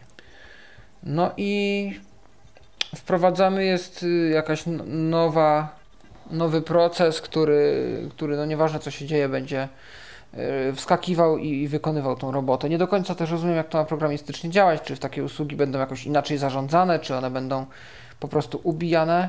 No mam nadzieję, że nie. Mam nadzieję, że tu będzie to po prostu jakoś inaczej troszkę rozwiązane. Y, wprowadzanie zawartości, bogatej zawartości multimedialnej. Tu chodzi o to, że po prostu będzie możliwość e, prawdopodobnie przekopiowywania schowkiem albo przerzucania przez jedną aplikację do drugiej e, treści multimedialnych, na przykład zdjęć. No to może być ciekawe, dużo teraz różnych treści multimedialnych przesyłamy, więc gdyby dało się z jednej aplikacji do drugiej coś jakby przeklejać razem z tekstem, e, no to byłoby na pewno super. Jest to, o czym mówił Tomecki, czyli efekty audio wzbogacone o wibracje. I tutaj mm, autorzy artykułu zwracają uwagę na gry, typu jakieś gry wyścigowe, gdzie po prostu jak samochód nam y, brzęczy, silnik brzęczy, to dla większego realizmu y, może też telefon wibrować i tu będzie bardzo skomplikowany jakiś mechanizm konfigurowania, jak te wibracje mają być generowane, jak lekko, z jaką częstotliwością i tak dalej, więc tutaj jest to przemyślane pod kątem jakichś takich zaawansowanych interakcji użytkownika typu właśnie gry, ale może i my na tym skorzystamy. No to by było super. Ciekawe, kiedy pojawi się pierwszy instrument muzyczny, który to wykorzystuje. Haha. No. Ale to by można było też na przykład zamiast schematu dźwiękowego określać typy kontrolek w ten sposób. No tak, no można by. Yy, wsparcie natywne dla wielokanałowego audio. Yy, tak, dodane jest odtwarzanie kodeka MPEGH w trybie pass through i offload, to, to, to pewnie Tomek będzie bardziej się orientował. Nie wiem, czy to nie jest jakiś format filmów, a nie dźwiękowy. A rozumiem. Yy... Bardziej filmy, tak, to, to bardziej filmy. Yy... A, no tak. Yy... Miksery i samplery i tak dalej zostały zoptymalizowane pod kątem 24 kanałów. Na poprzednich wersjach Androida było to kanałów 8 ponoć. Yy, na jedenastce. Yy, tak, tu mamy jakieś dla trybu imersji mamy jakieś poprawki. Aktualizacja yy, interfejsu powiadomień. tak. Tu tak. a, jakieś graficzne bardziej nawet chyba. Tak, ikonki i jakieś graficzne zmiany przy czcionkach i tak dalej. Mm, szybsze i bardziej responsywne powiadomienia. Mm, powinni. A, yy, tak, chodzi o to, żeby powiadomienia otwierały już konkretną sekcję aplikacji, w której jakaś tam interakcja ma miejsce, a nie, że klikamy w powiadomienie o, nie wiem, jakichś wiadomościach, a otwiera się na strona główna i tak. Yy, I tutaj są jakieś mm, Notification Trampoline, jakaś taka nowa, yy, nowe API, które pozwala w bardziej bezpośredni sposób wy, wywołać, yy, wywołać te powiadomienia.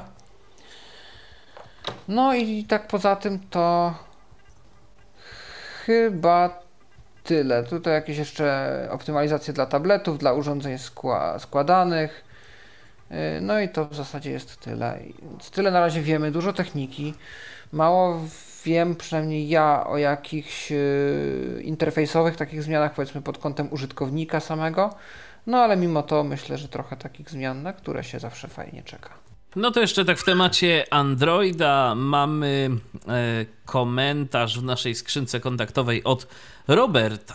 Cześć Wam. Paweł wspomniał o aplikacji ACR, ponoć do dziś popularnej. Jak wygląda teraz kwestia nagrywania rozmów w Androidzie? Pamiętam, że w, od którejś wersji systemu, chyba Androida 9, tej funkcji nie było. Mam obecnie Androida 11. Czy w takim razie warto znowu zainstalować aplikację ACR? Dzięki za odpowiedź. Sprawdzić zawsze można, aczkolwiek rzeczywiście to raczej jest wyłączane. To znaczy niektórzy producenci możliwe, że to jakoś włączają, ale to jest... No każdy to może zrobić, ale nie musi tego robić. Google to domyślnie wyłącz, wyłącza. Ponoć są takie telefony, w których to działa, natomiast jest ich zdecydowanie, zdecydowanie, bardzo zdecydowanie mniej niż więcej. Natomiast na których to działa, na których to nie działa w tej chwili nie wiem. Ponoć na Samsungach jakoś to działa, tylko trzeba dużo jakichś obejść powłączać. Y, Zdaje się, że teraz dużo z tych y, programów używa w ogóle usług dostępności z jakichś przyczyn. Może żeby wykrywać, kiedy rozmowa się zaczyna. Ale warto spróbować. To w takim razie przechodzimy do kolejnego newsa na temat Teamsów, które do tej pory no nie były komunikatorem o najwyższej jakości dźwięku, ale coś w tej sprawie ma się zmienić, a co to powie Paulina. Teams y, pod kątem jakości dźwięku, właśnie tak jak Tomasz powiedział, nie stoi zbyt wysoko na drabinie komunikatorów i podejrzewam, że najwyżej stoi tutaj Zoom. Od czasów Skype'a tam się po prostu no nic nie zmieniło.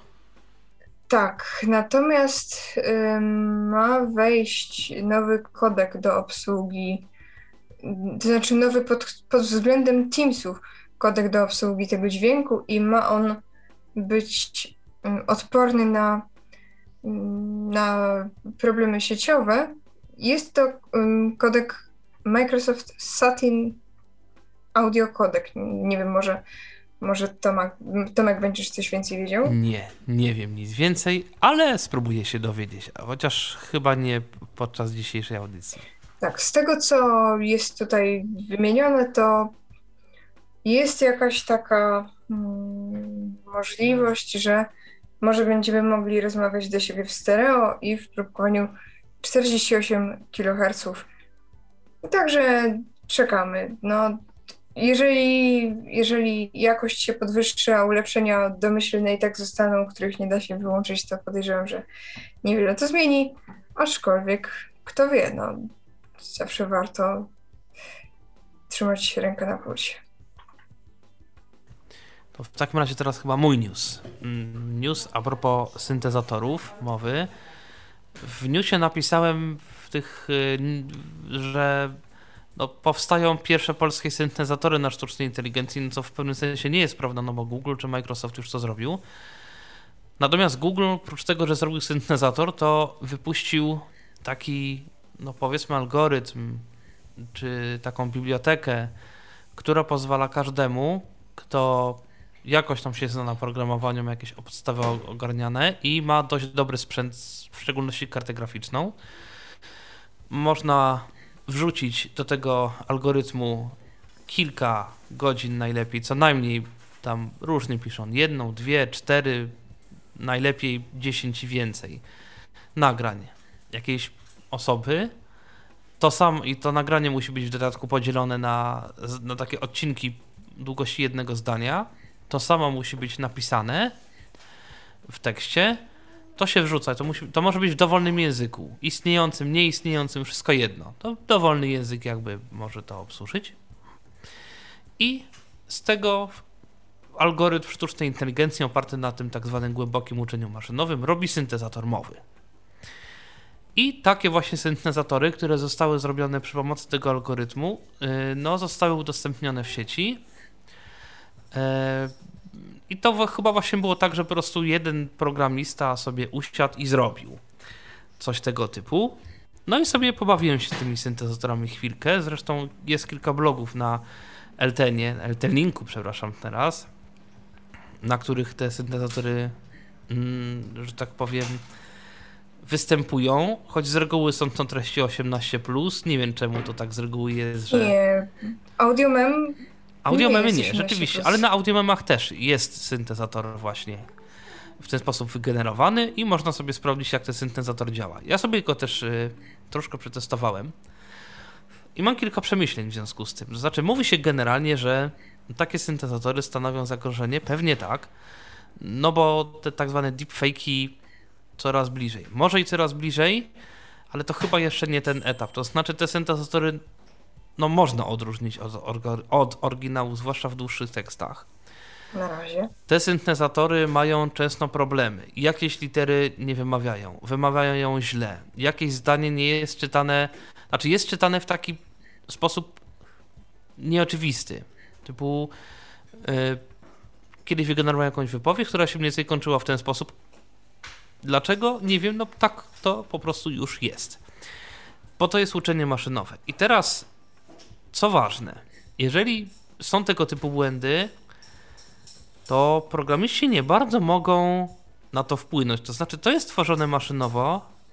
Mm, Taki syntezator ma takich parametrów, no liczone to w tysiące albo w setki tysięcy, które są w dodatku zapisywane bardzo często jako jakieś losowe znaczki, których w zasadzie nie da się, według naszej dzisiejszej wiedzy, jakoś sensownie rozgryźć. To znaczy, który co robi. Czyli jeżeli jest jakiś błąd w syntezatorze mowy, to w zasadzie jedyną próbą naprawienia tego błędu jest stworzenie tego syntezatora od początku, albo z jakąś zmianą, bo ten algorytm w czasie tworzenia też ma jakieś tam kilka zmiennych, które można sobie jakoś tam wyregulować, albo więcej niż kilka, raczej więcej niż kilka, albo w jakiś sposób no, próbować zmodyfikować te oryginalne nagrania, no w taki sposób, żeby ten syntezator znowu, znowu był wygenerowany dobrze. I no, tu się nas, nasuwa taka koncepcja, że te programy, które są generalnie tworzone w oparciu o sztuczną inteligencję, są dzisiaj często bardzo fajne. One potrafią być dużo, ale to dużo skuteczniejsze od tych programów, które e, są robione no, taką metodą tradycyjną, można powiedzieć. Natomiast wydaje mi się, że przynajmniej na razie no, jest problem, że jeżeli te, taki program działa z jakichś powodów źle, w zasadzie nie wiadomo, co zrobić, żeby on działał dobrze. Znaczy podejrzewam, że te ogromne firmy no jakoś tak się wspierają tą sztuczną inteligencją, żeby Być może po prostu robią tyle jakoś- podejść, że w końcu wyjdzie. możliwe, no. To, I to pewnie jest- też te firmy robią. A czy mi też nie chodzi o tylko yy, powiedzmy jakieś syntezatory mowy, ale załóżmy, że mamy jakiś program, który nie to, że. No bo syntezatory mowy przy dobrym sprzęcie mogą się generować powiedzmy dwa dni. Natomiast podejrzewam, że są programy, które nawet przy no, bardzo dobrej jakości sprzęcie, jakichś, jakichś superkomputerach, mogą się generować na przykład 3 miesiące. I to albo rok. I to no, zużywając potwornej ilości energii, zasobów i tak dalej, i tak dalej. I jeżeli tu coś nie pójdzie, no to, to nie jest tak, że tu można robić 50 prób. I obawiam się, że ta sztuczna inteligencja, jakkolwiek jest bardzo fajna, to trzeba też zdawać sobie sprawy z problemów, jakie, jakie może rodzić. To znaczy, może się w pewnym momencie okazać, że ona generuje jakiś błąd i ten błąd wcale, a wcale nie będzie łatwo naprawić w takim programie.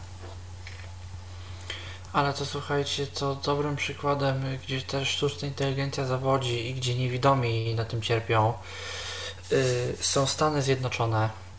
I po prostu plaga, y, która się w Stanach Zjednoczonych rozpanoszyła, której u nas w Europie na szczęście chyba nie ma zbytnio. Y, Chodzi o tak zwane proctoring software, y, czyli o oprogramowanie, o narzędzia do przeprowadzania egzaminów.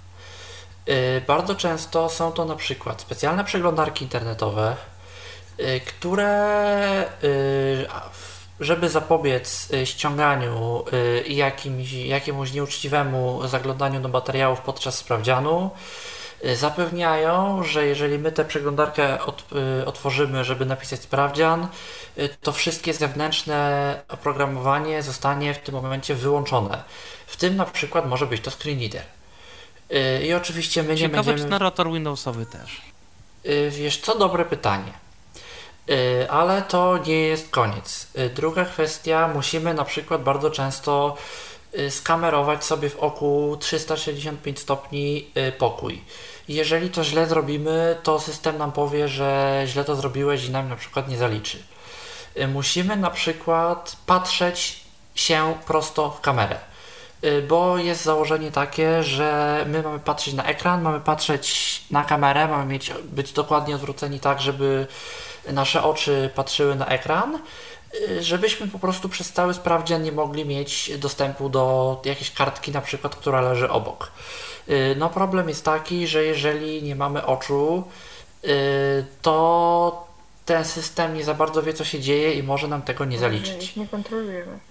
Tak, y, lub ich nie kontrolujemy, dokładnie. A z ciekawości, co z tym i z Adą?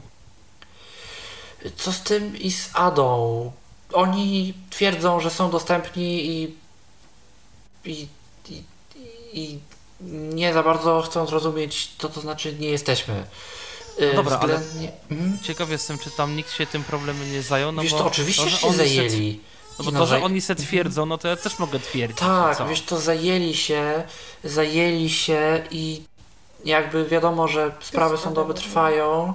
Problem się na poważną skalę zaczął na początku pandemii, więc jak się pandemia skończy, to może będzie wyrok, tak? Podejrzewam, że to mniej więcej w ten sposób, w ten sposób wygląda.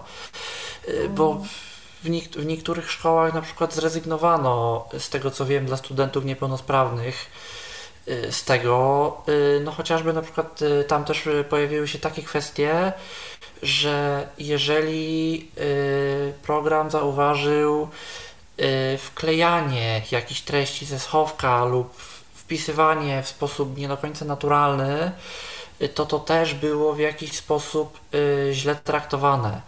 I teraz, y, jeżeli na przykład poruszanie strzałkami, nie wiem czy, ale podejrzewam, że też zamiast myszki, y, ale na przykład jakieś kwestie y, rozpoznawania głosu, jakieś kwestie pisania oczami i innymi tego typu udogodnieniami, czy nawet podobno gdzieś się pojawił problem w przypadku pisania na, pisania na monitorze brailleowskim, pisania ze skrótami brailleowskimi, które po naciśnięciu spacji były rozwinięte.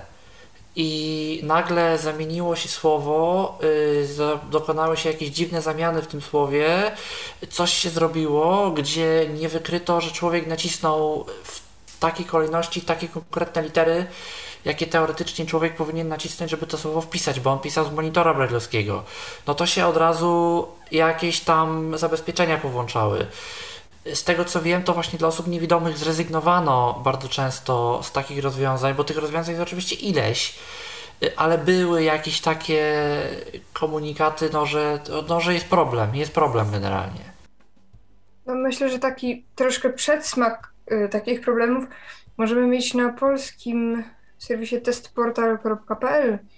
To jest właśnie portal do e, robienia testów i tam jest też taka opcja, że jeżeli chyba to mamy do zaznaczenia, że jeżeli robimy test, to możemy zaznaczyć, że śledź użytkownika, czy zmienił okno, czy nie. I wtedy, i wtedy będzie można sprawdzić, czy ktoś ściąga. No i jeżeli ten test jest jakiś taki mniej dostępny, bo na przykład zawiera jakieś różne rzeczy i nie wiem, coś. Wiem, że wiem, że niektórzy niewidomi mieli z tym problemy, że mieli. Chcieli sobie wybrać coś z listy i nagle wyskoczył komunikat, że alert, jakby egzaminator został powiadomiony o tym, że najpewniej, że, że system wykrył ściąganie i, i coś tam. Natomiast jeżeli y, wrócić by na chwileczkę do tych syntezatorów opartych o sztuczną inteligencję, no to jeżeli y, Tomasz mówiłeś o projekcie Takotron, to jest to projekt NVIDII, nie Google'a, ale może jeszcze o jakimś innym projekcie, nie wiem. No nie wiem, ja słyszałem, że to Google, ale jakby nieważne. W każdym razie tak czy tak jest to coś, czym można takie syntezatory tworzyć. To w takim razie przechodzimy do następnego newsa na temat Revoluta, który znalazł Paweł. Tak, no niestety nie jest to dobra wiadomość. E, Ceny znowu podskakują, warunki się pogarszają, zwłaszcza dla użytkowników wersji darmowej, no takich jak ja na ten moment. Jak dobrze wiemy, Revolut w tej wersji ma limit 800 zł, jeżeli chodzi o wypłaty z bankomatów. Jest to limit miesięczny, e, po którym naliczana jest prowizja od każdego kon- konkretnego tam przelewu w wysokości, znaczy kolejnej wypłaty w wysokości 2%. Teraz y, dochodzi do tego jeszcze kolejny limit, który się na to nakłada, czyli maksimum 5 wypłat w miesiącu. A jeżeli przekroczymy ten limit, to płacimy 5 zł. I te limity wzajemnie się nie znoszą. Yy, zaczynają obowiązywać, kiedy przekroczymy jeden z yy, tych limitów. I płacimy wtedy tą wyższą opłatę, albo 2% yy, transakcji, albo 5 zł. To już zależy, jak nam tam akurat wtedy wyjdzie. Tak samo jeżeli chodzi o przelewy transgraniczne i przelewy SWIFT. One są teraz integrowane w jedne przelewy, przelewy międzynarodowe. I zdaje się, że kiedyś było tak w wersji darmowej, że takich przelewów y, mogliśmy zrobić y, jeden darmowy na miesiąc. No a teraz już nie będziemy mogli zrobić żadnego, będą po prostu jedne przelewy międzynarodowe, w zależności od kraju odbiorcy i mm, typu przelewu, ilości waluty i tak dalej. Zapłacimy od 1,5 zł do 20, nawet 5 za jeden taki przelew. E, oczywiście nie dotyczy to przelewów SEPA. Przelewy SEPA, czyli przelewy w ramach Europejskiego Obszaru Gospodarczego, nadal pozostają darmowe, bez zmian. E, I to jest to dobra wiadomość, natomiast jeżeli ktoś wysyłał jakieś dolary czy inną walutę gdzieś poza Unię i kraje spokrewnione, to, no to nie jest dobra wiadomość i e, no szkoda, że takie zmiany nadchodzą.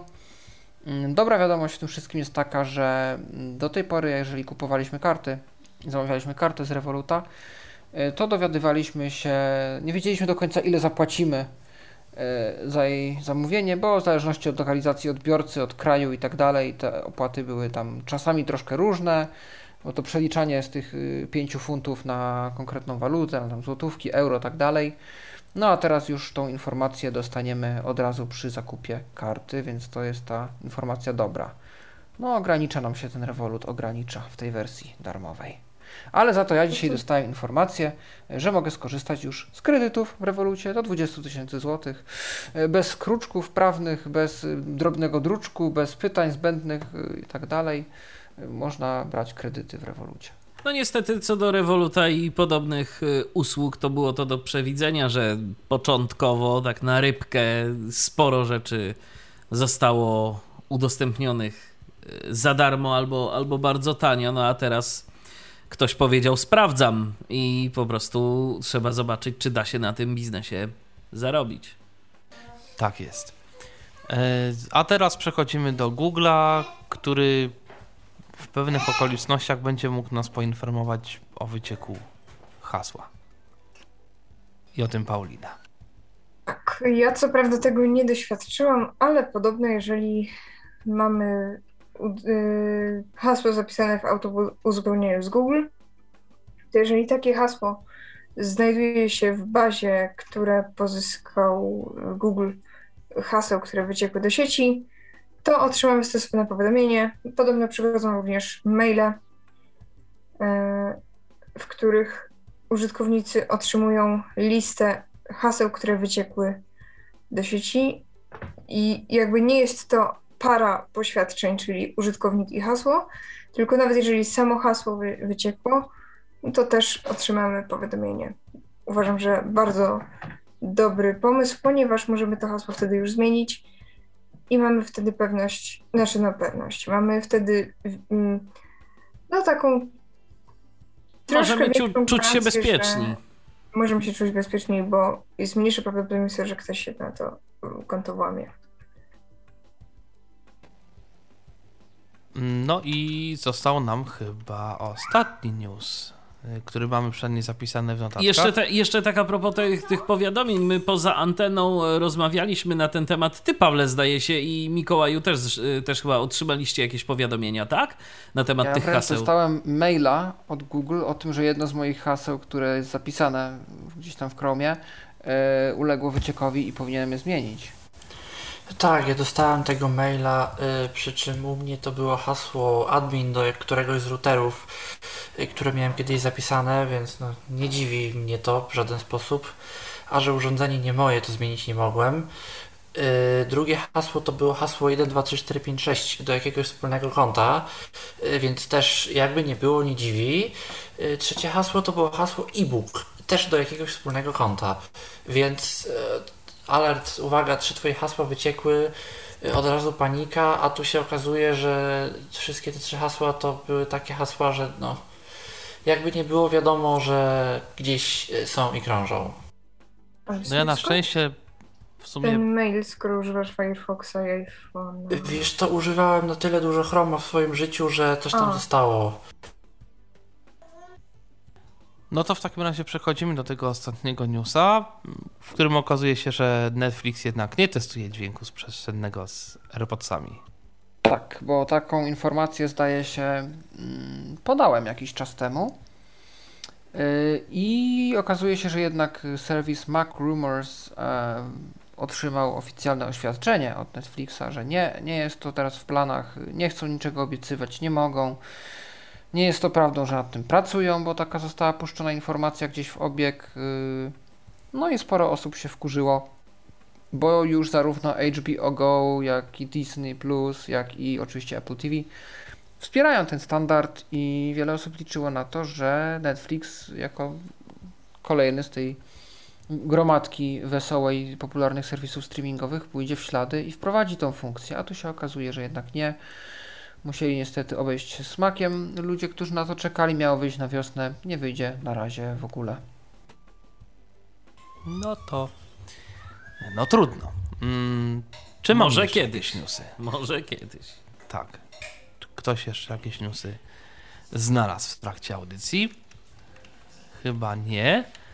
No to w takim razie chyba nie pozostaje mi nic innego. Znaczy ja chciałem powiedzieć, nie wiem czy, bo kiedyś to była mowa, to taki krótki, nie newsik, nie reklama, nie reklama, dla wszystkich posiadaczy mikserów, urządzeń elektronicznych, które trzeba czyścić.